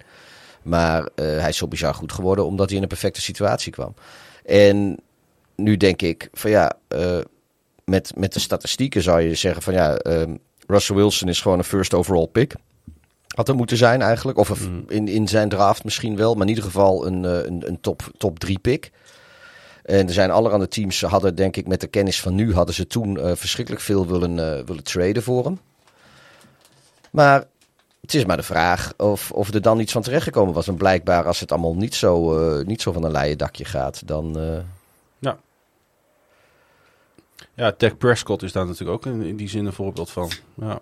Hey, um, ja, ja ik, ik weet het niet zo goed met dit team. Ik denk, het is voor mij een van de teams die het lastigste wat dat betreft ook te peilen is voor komend jaar. Um, het is terecht dat jij zegt, ja, als, als het wel uh, de, de winnende combinatie blijkt te zijn, Sean Peter en Russell Wilson, dan met die verdediging die er staat, met die skill players die ze hebben, ja, dan kunnen ze zomaar meedoen in die divisie en dan kunnen ze het misschien zelfs de Chiefs wel lastig maken. Maar ik geloof er op dit moment gewoon niet in. Dat heeft eens, omdat ook vorig seizoen wat duidelijk heeft gemaakt over deze quarterback. Ja. Uh, Met andere woorden, hij had nooit weg moeten gaan uit Seattle. Maar Seattle... Eindigen ze boven of onder de Raiders? Dus worden ze derde of vierde? Gelijk. Mag dat? Ja hoor, dat mag. Zullen we dat bruggetje dan ook maar meteen gebruiken? Ik weet dat het eh, net andersom staat ja, in het dan lijstje. gaan, we, maar... dan gaan we het zo meteen even over de Tampa Bay Buccaneers hebben. Maar laten we het inderdaad ook nog even over de Raiders hebben. Want daar kwamen ook wat vragen over binnen. Want uh, ik heb tussen neus en lippen door natuurlijk vorige week gezegd... dat ik uh, geen vertrouwen in ze heb voor komend seizoen. En jij ook niet. Ook niet. en daar heb ik op zich ook wel goede redenen voor. Um, Waren mensen boos? Nee, helemaal niet. Uh, maar ik heb, ik heb op Instagram uh, uh, heb ik een aantal mensen die zijn voor de Raiders. En die volgen dat team ook. En die maken zich ook grote zorgen hoor. en dat heeft je bent ook geen Raiders-fan voor, je, voor, voor, je, voor het succes. Nee, daar heb je helemaal gelijk in. En we gaan even naar Las Vegas. Want ja, ze hadden natuurlijk een solide quarterback. Genaamd Derek Carr. Maar Pieter, Derek Carr heeft één probleem. Het is Derek Carr. Weet je, het is een soort... Ja, nee. Nee, een ander probleem. Oh, zijn lange wenkbrauwen. Nee, hij heeft, nooit, hij heeft nooit voor de New England Patriots gespeeld. Oh, is dat een probleem? Nou, wel uh, als jouw coach uh, Josh McDaniels heet. Want uh, toen de Raiders Carr eind vorig seizoen natuurlijk op een non-actief stelde, wat ik eigenlijk al een schande vond dat dat gebeurde. ja, had iedereen natuurlijk al een klein beetje door wat er zou gaan gebeuren. Namelijk dat Josh McDaniels weer terugviel op zijn oude plannetje. En het oude plannetje van Josh McDaniels, eigenlijk het plannetje wat hij altijd heeft. Dat is uh, zoveel mogelijk uh, mensen om hem heen verzamelen uit de Patriots-boom. Uh, en daar is natuurlijk de, nieuwe quarterback Jimmy Garoppolo ook ja. weer een uitstekend voorbeeld van. Heb je toch zo'n kwart seizoen een prima quarterback aan? ja, dat. Ehm, maar het is natuurlijk wel heel bijzonder wat daar gebeurt. En ook dat het ownership in Las Vegas, deze coach die zich nog nooit ergens bewezen heeft... En alleen maar overal een spoor van vernieling heeft achtergelaten. Als hij tenminste niet onder de vleugels van Bill Belichick speelde. Uh, of de, uh, coachte, moet ik zeggen. Um, hoe kan het dat deze coach gang mag gaan in Las Vegas? Omdat Las Vegas gewoon niet zo'n bijster geweldig gerunde organisatie is. Nee, en, en weet je, ik uh, hoorde Devante Adams hier ook over praten. Want ik kan je één ding vertellen. Die is op dit moment niet gelukkig. Nee. En dat snap ik ook wel een beetje, want het talent van Devante Adams is, uh, daar hoeven we niet over te discussiëren. Die is er. Het is een geweldige speler. En hij heeft ook dat eerste seizoen, met Derek Carr, heeft hij eigenlijk een heel goed seizoen neergezet. Ja. Toen McDaniels er nog niet was. Toen ging het eigenlijk best wel goed. Eh, eigenlijk, Carr was ook de, de reden dat hij naar uh, de Raiders ging. Ja. Natuurlijk. Was, was, ja. was een college mattie. Ja, zijn college mattie inderdaad sowieso. Hele goede vrienden zijn dat. Uh, maar hij... Uh, ik heb het uh, genoteerd, dus ik ga even kijken of ik kan terugvinden. Uh, de front office, dit is dus de Fante Adams. De front office denkt uh, dat dit, wat we nu hebben gedaan, de beste kans is om ons in een positie te brengen waarin we urgent kunnen zijn. We zijn het niet met elkaar eens over hoe we daarover denken en of dit inderdaad het beste moment voor ons is. Dat zei hij. Nou, dat zegt natuurlijk heel veel, zo'n opmerking. Maar hij bedoelt, Klein beetje cryptisch. hij, be- hij bedoelt eigenlijk van wat we nu doen, dat brengt ons in de beste positie om heel hoog te kunnen draften. Eh, ja, dat zegt hij. Maar hij zegt ook eh, hiermee: ik ben het gewoon absoluut niet eens met het beleid van mijn eigen team. En het is natuurlijk niet zo heel vaak dat, dat een speler eh, zo duidelijk kritiek uit op zijn eigen team. Nou heeft hij wel zijn sporen een klein beetje verdiend en het salaris daarna dat hij iets mag zeggen, vind ik. Ehm, maar het is natuurlijk wel heel bijzonder dat dit, eh, dat dit zo loopt. Hè? Eh, en überhaupt, Garoppolo is natuurlijk een, een, een, een- ook, ook één groot vraagteken. Ik meende mij toch echt te herinneren dat hij aan het begin van dit seizoen niet voor zijn fysieke testen eh, wist te slagen. En er werd zelfs een, eh, een, in zijn contract opgenomen dat als hij niet fit genoeg zou zijn, dan zouden ze hem voor nul kunnen droppen. Ja, Ja, het wordt, een, eh, ik, het wordt toch een gebed zonder eind, eh, deze, deze franchise op deze manier. Ja. Zolang deze Mac, Mac, McDaniels, Mac McDaniels, nee, deze McDaniels eh, de scepter zwaait en de beslissingen mag maken, dan gaat het niet goed komen met de Las Nee. Vegas Raiders. En nou ja, wat, wat, wat de Broncos, waar die ook last van hebben, ze zitten natuurlijk ook in een divisie waar, waar, ze- waar je heel erg verschrikkelijk je best moet doen om überhaupt een woordje mee te kunnen spreken. Ja. Eh, tuurlijk doen ze in de onderlinge wedstrijden, doen, krijgen ze heus wel eens, eh, want ja, ze maken de Chiefs soms ook wel eens lastig. Maar ja, nu zijn de Chiefs ook het team wat zich het zichzelf lastig laten maken. En dan gaan ze in één keer in het vierde kwart gaan ze een tandje bijzetten. En dan lijkt het allemaal wel dan, dan winnen ze vrij simpel. Maar ja, die, die, die Las Vegas Raiders, ik. Nee, ik. ik Maar het is vooral die McDaniels, want... eh, ja, maar dat vind ik sowieso een lul. ja, maar weet jij nog eh, welke quarterback die toen hij in Denver de coach was, heeft weggestuurd? Jij, jij bent een adept van hem. Ik ben, oh ja, nee, nee, daar heeft hij hele, hele, hele ruzie eh, heeft hij gehad. Ja, Ja. Heeft, hij, eh, heeft hij Cutler. Heeft Met Jay eh, Cutler. Ja, Wat op dat moment, volgens mij, op dat moment een van de meest veelbelovende quarterbacks in de league was. Ja, en die was volgens mij eh, pro bowler dat seizoen. Die deed hartstikke goed. Zat met Brandon Marshall. Want dat is toen ook, heeft hij ook meteen Brandon Marshall heeft hij tegen zich in het harnas gejaagd. Die Ja. daar een hartstikke goede receiver was. Die is toen volgens mij naar Miami gegaan uit mijn hoofd. En later wel weer teruggekomen in Chicago trouwens. Maar eh, ja, nee, dat klopt. Die, eh, ik geloof dat eh, hij had... Cutler had hij in zijn gezicht gezegd van... Ja, nee, jij bent mijn starter volgend jaar. En toen vervolgens kwam, kwam Cutler erachter dat, hij, dat, dat McDaniels niet alleen bezig was met informeren naar andere quarterbacks, Mhm. maar dat hij ook met aan het informeren was of, of teams belang hadden bij Cutler. Ja. En toen is Cutler weer gegaan en zei: Fok dat, weet je, treed me gewoon, ik ga weg, ik ga niet meer voor jou. Ik, ik speel niet meer voor jou. Ja. Ja. En nou ja, weet je, op zijn, eh, op zijn kwaliteit als, als quarterback kun je heus wel wat aanmerken. Eh, op zijn politieke voorkeuren ook wel. Hij is een beetje republikein, die Cutler. Maar het, is wel gewoon een, een eerlijke, recht door zee jongen. En eh, in die hele McDaniels Cutler saga vind ik gewoon dat Cutler alle gelijk had. ja, en toch, ondanks wat er allemaal gebeurd is, eh, hebben ze hem dus nu toch weer aangetrokken. Natuurlijk vorig jaar al. Hè. Het is niet dat McDaniels nieuws, nieuw Is hij niet gewoon een saboteur van, van Bill Belichick? Beetje bij de Broncos Ja. de boel saboteren, elders in de AFC. Beetje bij de Colts de boel saboteren, elders in de AFC. Nu een beetje bij de Raiders de boel saboteren, elders in de AFC. Maar het is gewoon geen goede coach. In alles niet. Ik kijk ook niet alleen in people management, maar de eh, Raiders werden vorig seizoen het eerste team dat vijf halftime leads van zeven punten of meer verknalde in de NFL. Is nog nooit eerder voorgekomen. Ja, respect. Ze werden het eerste team sinds tenminste 1930 dat vier wedstrijden verloor naar een double digits voorsprong bij rust. En drie van die gemiste kansen was met 17 punten of meer. Ja, lekker. Dan ben je gewoon geen goede coach, Pieter. Als dat in één seizoen allemaal gebeurt, nog los van het feit dat jouw quarterback, Derek Carr, wat gewoon een goede quarterback is, een enorm verval laat zien ten opzichte van het jaar daarvoor.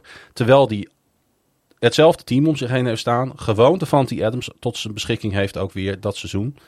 Dan is toch gewoon deze man een fiasco als coach in de NFL. Dan moet je daar gewoon heel snel afscheid van nemen. Nee, een- En wie was aan het eind van de rit de zondebok volgens de Raiders? Derek Carr. Ja, nou, vind ik goedkoop. Dat, nou, precies, dat is hartstikke goedkoop. En dat verdient eh, iemand die zo lang bij jouw organisatie het gezicht is geweest ook niet trouwens. Nee. Het is niet zo dat hij in een warm bad heeft gelegen negen jaar lang, hè? Daar. Nee, dus eh, de Raiders kunnen we wel afschrijven voor volgend seizoen. Ehm, nou, dat vrees ik wel, ja. Nou. Hoewel ik denk dat die aanval niet eens per se het probleem is. Want als Garoppolo eh, fit genoeg is, dan is het wel een capabele quarterback. Op zich, vind ik. Eh, hij heeft, als, het op, als het oplossen met Josh Jacobs, want die heeft wat Taylor heeft met het Colts, dat heeft Josh Jacobs natuurlijk met de Raiders. Eh, die heeft natuurlijk wel een All-Pro seizoen gespeeld vorig jaar. Eh, Adams, die zou zomaar eens een toekomstig Hall of Famer kunnen zijn. Zeker met dat seizoen wat hij hiervoor gespeeld heeft. Ehm, alleen de verdediging is, is niet op orde. Ook van, de, van, de, van Josh Jacobs gaan de geruchten dat hij naar Miami Ja, zou ja, kunnen gaan. Omdat Miami is gewoon heel naastig op zoek naar een RB1. Maar de Raiders willen hem eh, niet treden, zeggen nee, ze. klopt. Maar goed, dat... eh, Wat de Raiders trouwens wel gedaan hebben, is... eh, surprise, een receiver van de Patriots gehaald. nou, Henny Huisman, die, die zou zeggen van... Nou, daar kom ik mijn bed niet eens voor uit. Nee, maar ook dat weer. Dan haal je van alle receivers die je Ja, nee, halen, nee, haal je maar- Jacoby Myers van de Patriots. Het, het, is, het is zo opzichtig. Het is zo fout eigenlijk wat je doet. Dit is een coach die kan niet over hobbels heen kijken. Dit is een coach die kan niet out of the box denken. Die kan niet omgaan met situaties die buiten zijn comfortzone vallen. Het is gewoon een lul. Nou, dat weet ik niet. Ja. We Ik gaan ben- naar de Buccaneers, man. Ik ben eh, klaar met die kutraiders. Misschien zo, nou ja zeg.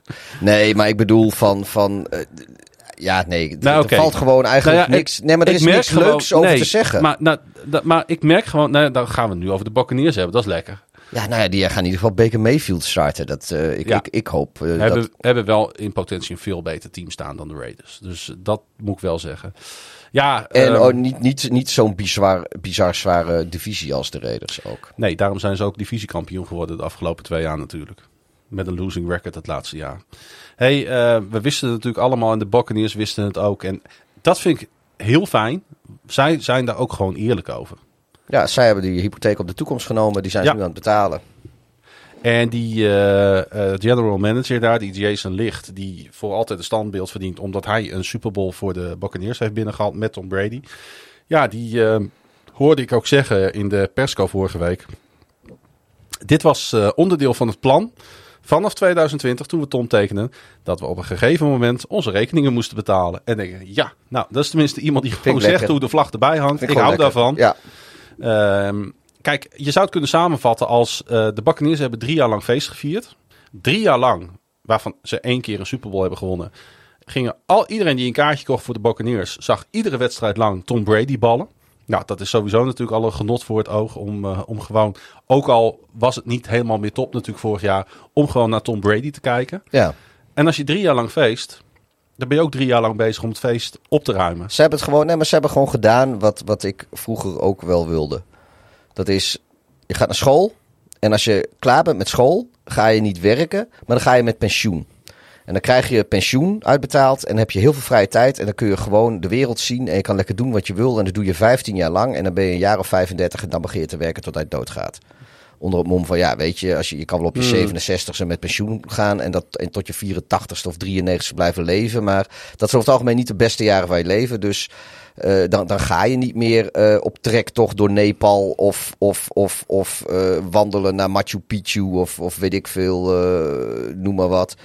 Dus dat moet je eigenlijk doen voordat je gaat werken. Maar dan moet je daarna moet je werken tot je omvalt om je pensioen af te lossen. En dat is eigenlijk wat de Buccaneers... Normaal gaan teams ook... Teams die zijn aan het bouwen en Ja. die zijn aan het bouwen en die zijn aan het bouwen. Is het moment En dan dat je je hopen ze- medicijn moet gaan slikken. En dan hopen ze ooit de vruchten te plukken. Maar heel veel teams die sterven al voordat ze eigenlijk op een pensioengerechtigde leeftijd zijn. En zij hebben gewoon direct een pensioen gevierd en, die, en nu eh, moeten ze werken. Ja, ik, ik valt best wat voor te zeggen. Weet je wat hun dead cap space is dit jaar? Eh 80? 90? 75 miljoen dollar. Oh, Ja.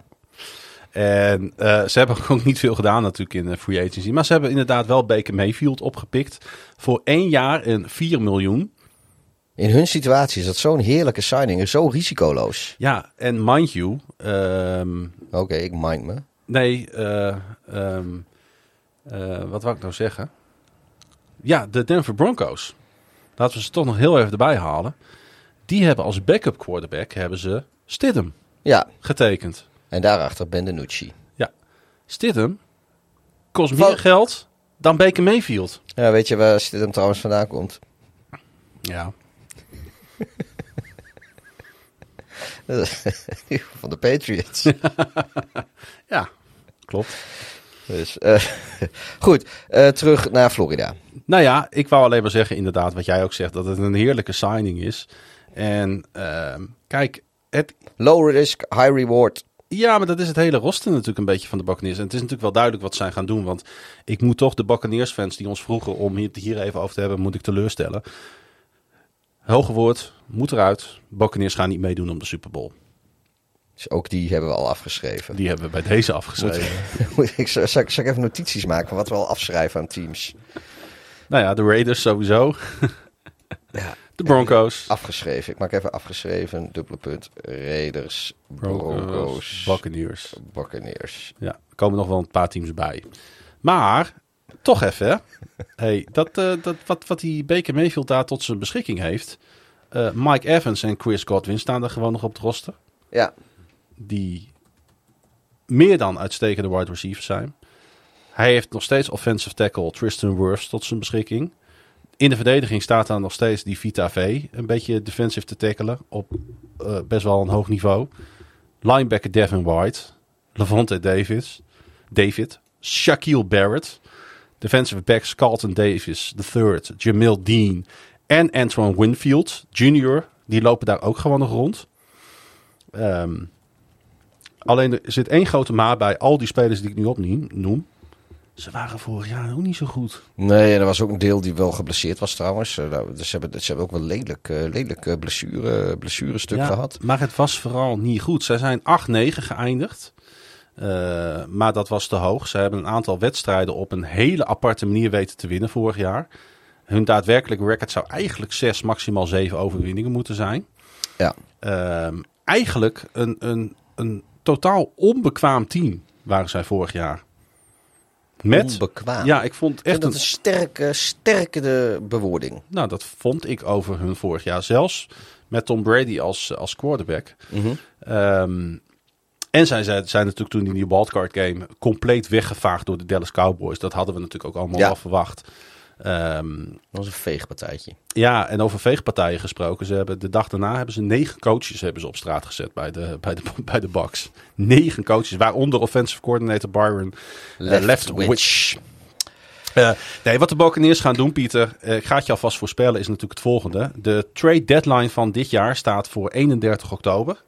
En heel veel van die spelers die ik net opnoemde, Zijn weg. die gaan als de Buccaneers niet per ongeluk op een 6-0, eh 7-0 eh, record komen te staan, gaan allemaal weggehandeld worden uit Tampa Bay. Daar gaan ze allemaal draft capital voor, eh, voor terugkrijgen. En dan gaan de Buccaneers gaan, eh, Lekker in de rebuild. gaan lekker in de rebuild. En hun eh, quarterback van de toekomst is niet Baker Mayfield, maar die speelt het komend seizoen op eh, zaterdagavond. Dat is een eh, leuke, leuke bridge quarterback. Een, een leuke Bridge ja, precies. quarterback. Nee, niet, Ja, niet om het spelletje Ja, bridge te Ik doen. zat aan het spelletje te denken. Nee. Eén klaver jassen. Nee, om, Nee, nee, nee. eh, om, om, om, om de periode te overbruggen, ja. Maar dit is toch eh, gewoon... eh, ik schets nu toch En als, gekke, en, als Mayfield, ja, en als Mayfield het goed doet dit jaar wel, dan is hij volgend jaar, staat hij weer gewoon ergens, eh, is hij gewoon weer normaal, wordt hij weer echt een NFL Nou, quarterback. Misschien wel weer bij de Buccaneers. Ja, maar, maar het is maar een contract. Misschien kan hij ook bij een team wat beter is. Gaat hij lekker naar de, naar de 49ers of zo, omdat eh, Purdy toch tegen lijkt te vallen. Nou, en die Lens, die kan nog steeds niks. En, eh, Ja. en, en, en Sam Darnold blijkt toch Sam Darnold. Nou, dan halen ze de Baker, met Baker Mayfield, dan kunnen ze, in dat roster halen ze de Super Bowl ook hoor. Maar eh, ja, maar dit, dat roster staat er alleen dan niet meer. Ja, nee, maar, goed. Het is, wel, snapt wat ik bedoel. het, het is wel duidelijk, zeg maar, wat... wat kijk, ze hebben al afscheid genomen van Leonard Fournette. Eh, die tight end die het eh, zo verrassend goed deed en die goede connectie had met Tom Brady, weet je nog? Die Cameron Braid. Ja, Eh, Julio Jones is weg. Donovan Smith is weg. Akeem Hicks. Carl Nassib. William Golston. Ze hebben zelfs de kicker. Ryan Suckup hebben ze ook laten gaan. Ze hebben Shaq Mesa laten gaan, weet je nog. Die speelt, staat nu bij de Houston Texans een lekker eh, een beetje daar de guard te spelen. Ehm, en zij hebben op de, in de drafts hebben ze alleen maar linemen gekozen. Wat ik ontzettend verstandig vind. Op dit moment eh, in, in zeg maar waar zij zitten in de ontwikkeling. En zij hebben één speler hebben ze een contract ge- gegeven afgelopen offseason. En dat is de cornerback Jamel Dean. Uitstekende cornerback. En die hebben ze een contract gegeven voor eh, vier jaar en 52 miljoen. Maar die jongen is 26 jaar. Ja. Dus die is er over vier jaar ook nog wel. En ze, je moet een klein beetje verder met Parsons hebben. Je moet, als die nieuwe quarterback volgend jaar of het jaar daarna komt, moet je jongens in de kleedkamer hebben die een klein beetje wat jou wat kunnen vertellen over het team. En die een klein beetje gewicht geven aan zo'n kleedkamer. Ja. Nee, nee, dat, ja. Dus, dus, dus eigenlijk, misschien wel verrassend dat ik dit zeg, zijn de Buccaneers misschien wel goed bezig. Als je gewoon kijkt naar waar zij Ja, staan, nee, doen ze wel de goede dingen. Dit is het enige wat je kan doen. Ja. Of het enige wat je moet doen. Ja, Ja, maar ze, ze- kunnen, ze kunnen niet. Ze, ze kunnen wel wanhopig vast blijven Juist, houden aan, aan die Super Bowl jaren. En dan steeds seizoenetjes pakken met, met, met, met acht overwinningen. wat en de dan, Saints een beetje aan het doen zijn. Ja, Als je begrijpt wat ik bedoel. ja nee, precies. Dat is een beetje zo'n vastklampteam geworden. Nee, maar de, de Buccaneers die hebben we dus eh, voor komend seizoen afgeschreven. Maar eh, als zij het allemaal slim aanpakken, dan kunnen ze over een paar jaar kunnen ze zo weer. eh, Ik heb wel problemen met hun coach, maar dat kan juist voor hun goed uitpakken. Tot Bowles, daar ben ik geen fan van. Heeft één goed seizoen gedraaid toen bij de Jets, weet je. Toen pakte hij opeens een winning record, 10-6 dacht ik. En in de daaropvolgende seizoenen alleen maar losing eh, seasons gedraaid. Ik snap niet zo goed wat ze met hem moeten. Aan de andere kant past hij wel bij de situatie. Want eigenlijk moeten de Buccaneers gewoon wedstrijden gaan verliezen. ja, Maar dat ze, zo zullen zij niet over hem denken. En, en, en, en Todd Bowles, laat dat even duidelijk zijn, heeft honderdduizend keer meer voetbal IQ en know-how dan Klaas-Jan TV. nou. Ja, Oh. maar ehm Todd Bowles is niet de coach van de toekomst voor de Buccaneers. Nee, ook niet. Ook Tot- een bridge En, coach. en eigenlijk nergens. Ja, typisch. Ja, precies. Maar Ja. eh, we gaan weinig van de Buccaneers eh, horen. eh, en ik denk dat heel veel teams die tegen hun moeten spelen... blij zijn met de overwinning die ze daar gaan eh, behalen. Ze hebben daar zelfs stoeltjes weggehaald. Ja, maar ze, die hadden ze bijgeplaatst Ja. in de Brady-tijd. Ja. Ja. Nee, terecht. Ja. Dus ehm, tot zover. Nou, we, de- ja, drie niet zo, goed, drie niet zo goede teams eh, besproken. We hebben ze allemaal afgeschreven. Ja, Ik heb trouwens eh, uit eigen houtje heb ik nog Cardinals ook even bij afgeschreven gezet. ja, ja, en ik wil de Rams er ook wel bij zetten. Rams schrijf je ook af. Jij bent het daar iets minder mee eens volgens mij. Ik, eh, ik nou ja, nee, ik, ik, ik, ik snap het wel. Hey, nog een paar luisteraarsvragen en dan houden we ermee op, Pieter. Eh, Ronald die vraagt: Jullie hadden het in de vorige aflevering over de AFC North en dat iedereen daar wel eens een winning record zou kunnen behalen. Geldt dat ook voor de AFC East? Is zijn vraag. Dus voor de Bills, voor de Dolphins, voor de Patriots en, eh, en de Jets. Nee, Want, waarom niet? volgende team. Patriots afgeschreven. Nou, nou, nee, nee, nou ja. zij hebben wel, zij hebben op papier een van de beste defenses in de league op dit moment. Ja, maar ik, ja, maar ik denk niet dat de. Die defense die er vorig jaar stond en het zo goed heeft gedaan, eh, heeft maar één speler verloren. Voor de rest zijn ze er allemaal nog. Dus er zit wel echt continuïteit in deze defense. Hè, Devin McCourty is met pensioen gegaan, de safety en eh, team captain, als ik me niet vergis.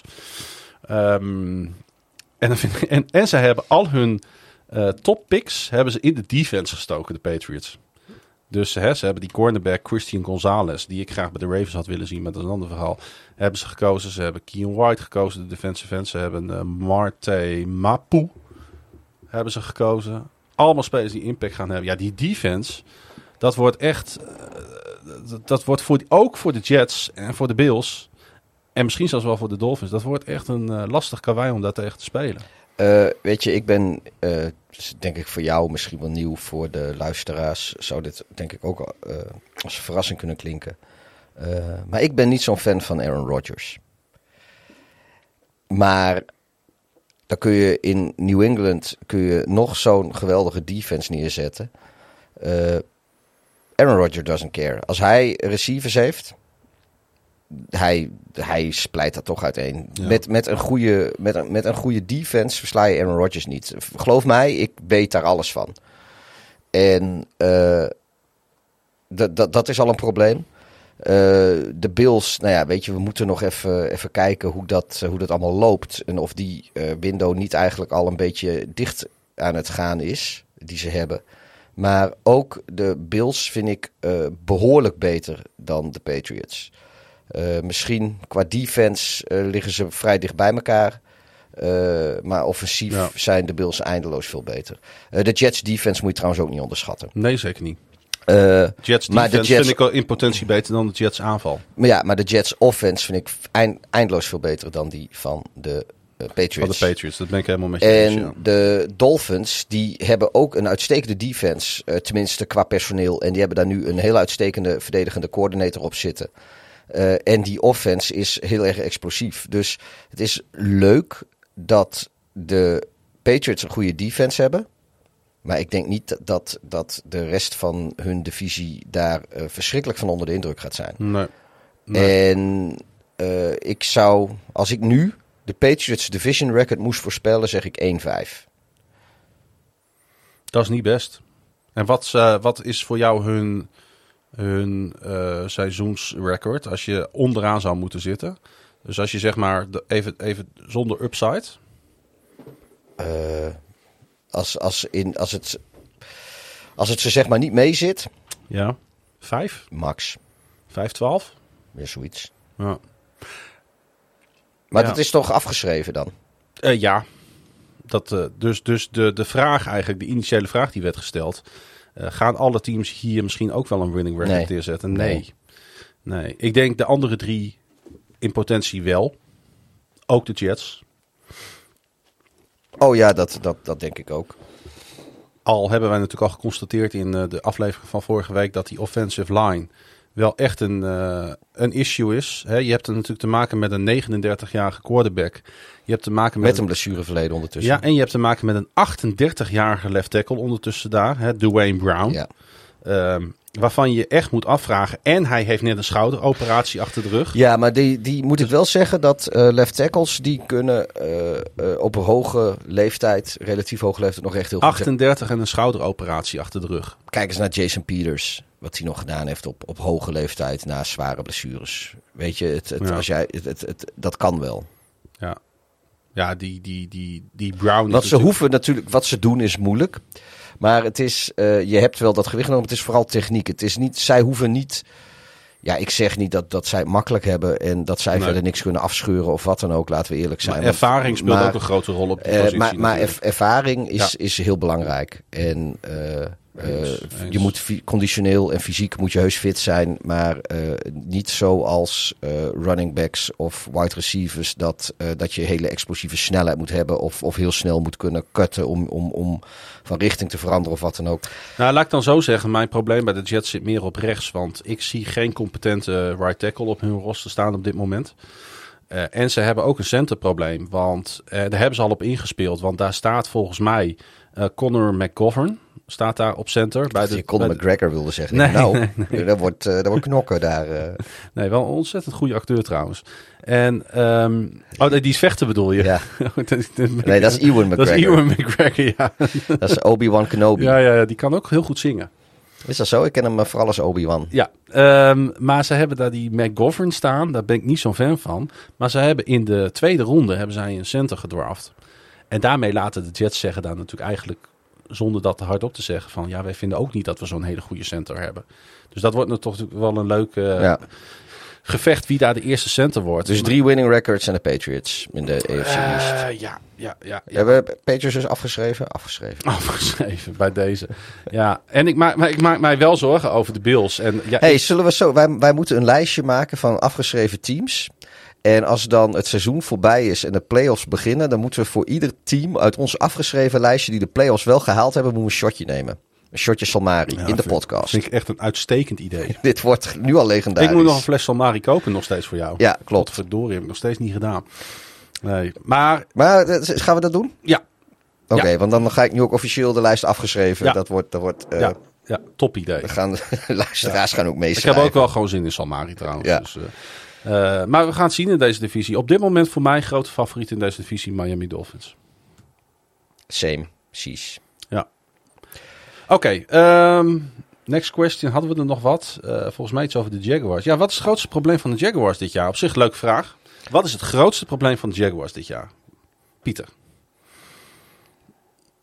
Ehm, ik denk twee zaken. Ja. Het roster zijn we, wel, we, zijn we het allebei wel eens. Dat zit wel redelijk in elkaar. Daar moeten ze eh, in ieder geval... Ik, Ik ik, zie ze niet als soepel kandidaat, maar Ik ze heb- kunnen de divisie Ik winnen. heb één grote zwakte, mag ik hem gelijk noemen? Ja hoor. Pass rush. Is niet goed genoeg bij de, de Ja. Jaguars. En het heeft vooral te maken natuurlijk met hun keus vorig jaar voor Trevon Walker. Ja, De eh, first overall pick die... Ja, daar hebben ze niks aan gedaan. Mm, Ze hopen natuurlijk dat hij een significante sprong gaat maken dit seizoen. Ja. Want hij heeft drie en een half seks als rookie genoteerd. Maar ik vond ook de hele productie niet goed van de Jaguars. Want eh, Josh Allen, eh, zoals ze in J- Jacksonville zo graag zeggen, de betere Josh Allen. de echte. De echte inderdaad, de edge rusher Josh Allen.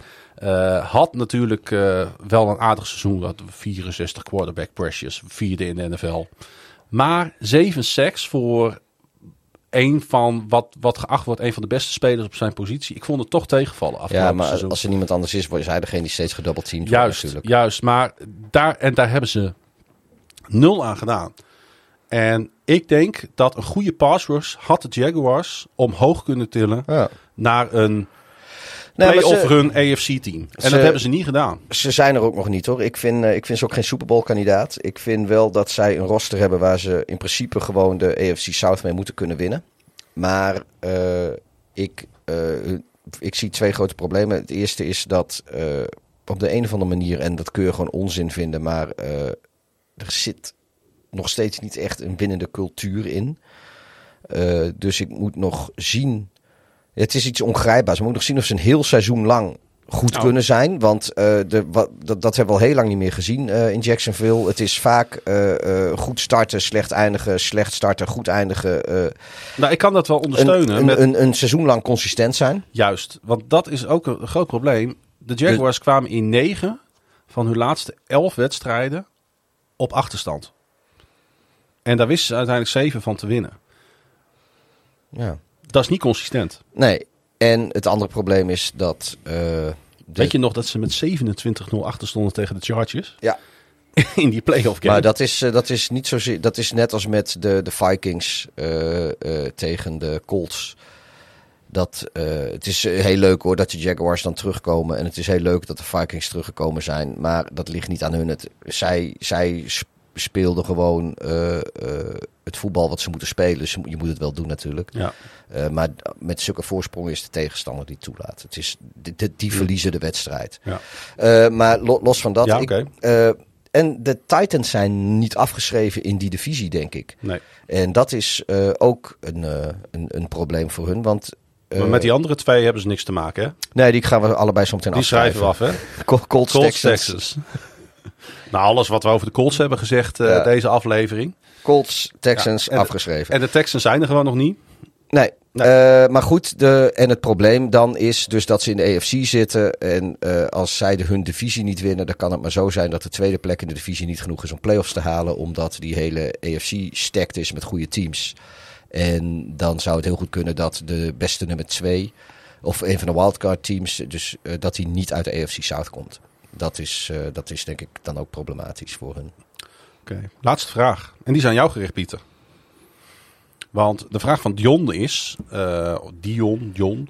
ehm, excuses als ik het niet goed uitspreek. Welke kans is volgens Pieter groter? Dat de Bears zes of elf overwinningen gaan behalen? Eh, de kans is groter, denk ik, dat ze zes halen. Oké. dan. Ik, eh, ik sluit het niet uit dat ze misschien wel tien wedstrijden winnen. Elf, dat, dat, nou ja, dat, dat is een. een, een als, als ze dat lukt, nou ja, dan, dan weet ik niet of ik dit seizoen al overleef. Dan ben jij al heel blij. Maar eh, ik geloof dat we ze allebei een beetje op een overwinningje of, of, of acht, Acht. zeven, misschien negen, weet je, zeg maar, zeg maar 8-8 in het, in, het, eh, in het oude 16 wedstrijden Ja. format. Ja. Ehm, en ervan, nou, kijk, als, als Fields weer geblesseerd raakt, dan zouden ze zomaar weer wat stomme wedstrijden kunnen verliezen. Die O-line, dat is op dit moment brandhout. Dus, eh, want daar is ook weer iedereen Ja. kapot en Maar geblesseerd. is natuurlijk wel wat veranderd in, ehm, in Chicago. En dat is dat Justin Fields nu echt Ja, een, een go-to-dreiging heeft. Dat klopt, dat klopt. En dat behoudt dus in dat ze vorig jaar eh, de wedstrijden waarin de Bears goed meededen, verloren ze wel allemaal. Eh, dat zie ik dit jaar niet gebeuren. Maar inderdaad, als het seizoen eh, wat, wat, wat, wat eh, stroef verloopt, dan is zes overwinningen heel goed mogelijk. Weet je wat mij opvalt? Hoe cornerbacks over DJ Moore praten. Ja, best wel, best wel alsof het een of andere fucking Grinch is die hun Ja. kerstmis wil stelen. Dat is, hij is, cornerbacks die over hem hoort, die zeggen van... als je tegen hem speelt, hij is zo snel. Zijn moves zijn zo katachtig. Het is een van de allerlastigste receivers in de NFL om tegen te spelen. Laat, laten we het hopen. Ja, Dus de Bears schrijven we niet af. nou voor Super Bowl win wel. Nee, maar het gaat voor de... Dus jij, jij wil hem het af... Ik, ik, ik wil hem niet in het afgeschrijven. Maar voor de playoffs? Ja. Nee, in de NFC? Nee. Nee, ik ga, ik ga heel weinig teams in de NFC ga ik afschrijven. Eh, de Cardinals ben ik heel duidelijk Ja, over. die heb ik al uh, bijgezet. De Packers, schrijven die af. Daar was je vorige week ook best wel duidelijk over. Ehm,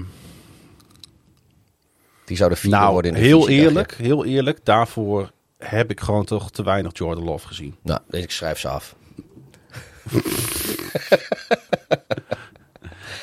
We Nee. moeten toch een team, we moeten toch per divisie minimaal één team afschrijven. Nou ja, eh, nee, dat hoeft helemaal niet. Want we hebben over de AFC North gezegd dat ze allemaal een winning record kunnen Oh ja, halen. daar schrijven we niemand af. Nee. Nee, dus dat, is- dat is niet helemaal eerlijk. Nee. Nee, ik ga de Packers niet afschrijven omdat ik, eh, omdat ik ook wel gewoon benieuwd ben. Ze hebben daar natuurlijk wel veel talent eh, op, op wide receiver staan. Eh, de defense is op papier goed. Nee, ik ga de, echt de Packers niet afschrijven. Oké. Ik ga ze zeker niet hier neerzetten als een team wat zou kunnen verrassen. Want daarvoor denk ik dat er te veel veranderingen hebben plaatsgevonden. En, en dat, ze, dat dat- dat te veel onduidelijk is vooral. Maar oké, ik schrijf ze wel af. Nou, ik wil eigenlijk niet meegaan in dat, in dat voorspelbare negativisme van jou. Over de Packers. Ja, je, Maar- hebt, je hebt ze vorige opname, heb je ze nog nummer 4 in de EF, NFC ja, North eh, omdat, ik, gezet. omdat ik het, ik voel het echt niet voor ze. Weet je, en ik ben, weet je, eh, als ik, zei de gek, de Browns hype, als ik de Steelers op een winning record neerzet, nou, dan kan ik wel eerlijk naar American voetbal kijken. Ja. Eh, gooi even dat voorspelliedje erin. Daar kom je nu mee. Ja, daar kom ik nu mee. Dan sluiten we daarmee af. De astroloog die trekt u hebben we vorige keer niet gedaan. Nee, dat gaan we nu wel doen. Die voorspelt uw levensloop met koffie, Gaan we de kaarten. Preseason week in 3 een voorspellen? Nee, we gaan even alle divisies belangrijk gaan afschrijven. Maar ik zelf prefereer toch een glazen bol. Over eh preseason gesproken. De, de, heb je gezien hoe de Washington Commanders blij waren met hun overwinning op de Baltimore Ravens? Nou, snap ik wel. Even, even een streakje beëindigd van 24-0. Dat lukt ook niet iedereen. Het is een fucking disgrace wat daar gebeurd is, Pieter. Wat is daar gebeurd dan? Nou, dat de Commanders doen alsof ze een Super Bowl winnen. Terwijl ze een oefenwedstrijd met hun first string tegen de second en third stringers van de Baltimore Ravens behalen. Op één punt. Ik vind het echt. Kun je, kun je nagaan hoe ze de Ravens zien? Het, dit is de. Zo zien zij de Ravens. Nou, dat is ook zo, want ze zijn natuurlijk heel veel fans verloren eh, in, in de afgelopen beetje- 20 het is- jaar het is een aan beetje- Baltimore. Maar, dus er is absoluut haat en nijd vanuit Washington naar Baltimore, terwijl dat andersom niet zo is. Maar dit is de grote blinde vlek van Ron Rivera, Pieter. Was Jeroen Rivera ook blij? Ron, ja, want Ron Rivera gaat te ver. Haal je fucking starters van het veld af. Vier kwarten lang, drieënhalf, met je eerste starters in een oefenwedstrijd. Waar ben je mee bezig? Is Oefenwedstrijden. hij nog wel vriend van de show? Eh, hoor ik dat wel goed? Nou, ik heb moeite met, met, met... Hij kan de grenzen gewoon niet bewaken. En hij he- heeft niet voor niks natuurlijk die, die nickname Riverboat Ron. En het is af en toe wel leuk hoor dat hij er op 4 en 8 voor gaat op de eigen 33 yard line. En dan lachen we met elkaar. En als het, lukt, Goh. en als het lukt, dan klappen we. Maar deze preseason wedstrijd heeft weer aangetoond... eh, er zijn daar gewoon een aantal starters geblesseerd van het veld gelopen. Hè? Ik, eh, McLaurin onder andere. Jou, jou, jouw Waar, favoriete waar ben je dan mee bezig? Ik heb er niks van gezien, maar ik wist niet dat het jou zo geraakt had. Anders hadden we hier wel mee geopend. Nee, kijk, dat, ik vind, ben ontzettend blij namelijk met het verlies voor de Ravens. Want dat moest een keer gebeuren. Ik was wel een klein beetje klaar met dat geëikel over dat eh preseason record. En het zegt, het zegt wat over hoe eh, John Harbaugh eh, zijn eh backup spelers kan motiveren om in dit soort wedstrijden alles te geven. Want de Ravens starten bijna nooit hun starters tijdens preseason. Er is ook nergens voor nodig. Ja, ik, ik snap niet waarom Washington dit heeft gedaan. Het is leuk en aardig hoor, maar als zij gewoon eh, pff, 3-5 staan na acht wedstrijden, dan heeft niemand het meer over die oefenoverwinning in week 2 van preseason. Is echt geen enkele. Ron Rivera, preseason champion, jongen. Ja, de nou, t-shirts zijn al gedrukt. Leuk, leuk.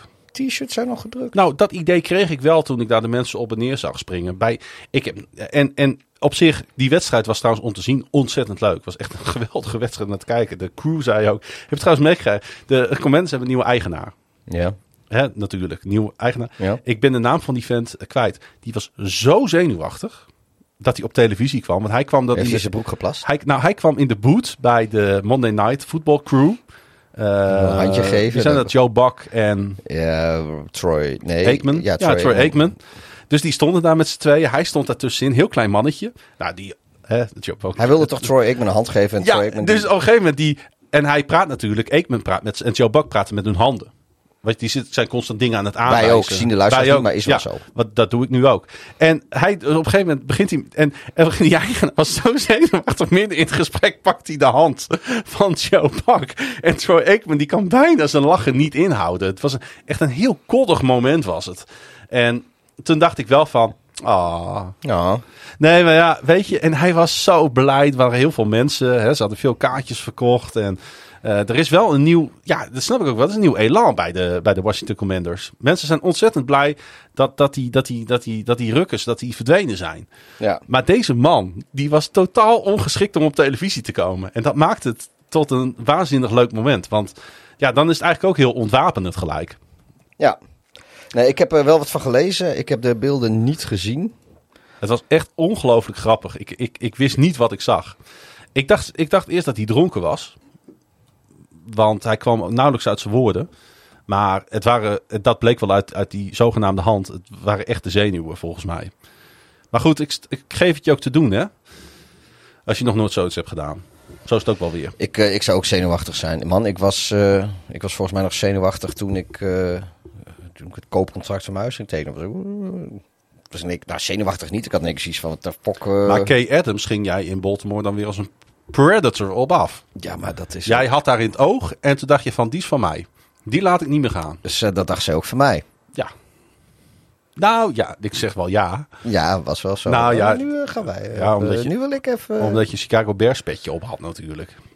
Dat zag ze. Ik denk dat ze meer van jouw petje hield dan van jou.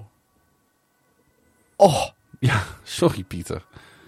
ik, Ja. heb, ik zit hier nu een poosje een hele leuke podcast met jou te maken. En dan, en dan gaan we nu in één keer zo doen. De toekomst met Goed, we gaan eh, voorspellen. Ja, ik, Ik, ik weet niet wat je precies wilt nog horen. Zijn er nog meer teams dan? ja natuurlijk. Er zijn... eh, Die we gaan afschrijven? Nou ja, we hebben de, de AFC West, de AFC East, de AFC South gehad. De AFC North, daar, doen we, daar schrijven we niemand af. Nee. Dan hebben we de NFC, eh, de NFC South hebben we ook al afgeschreven, de Buccaneers. Ja. In de NFC West hebben de Cardinals en de Rams afgeschreven, begrijp ik. Ja.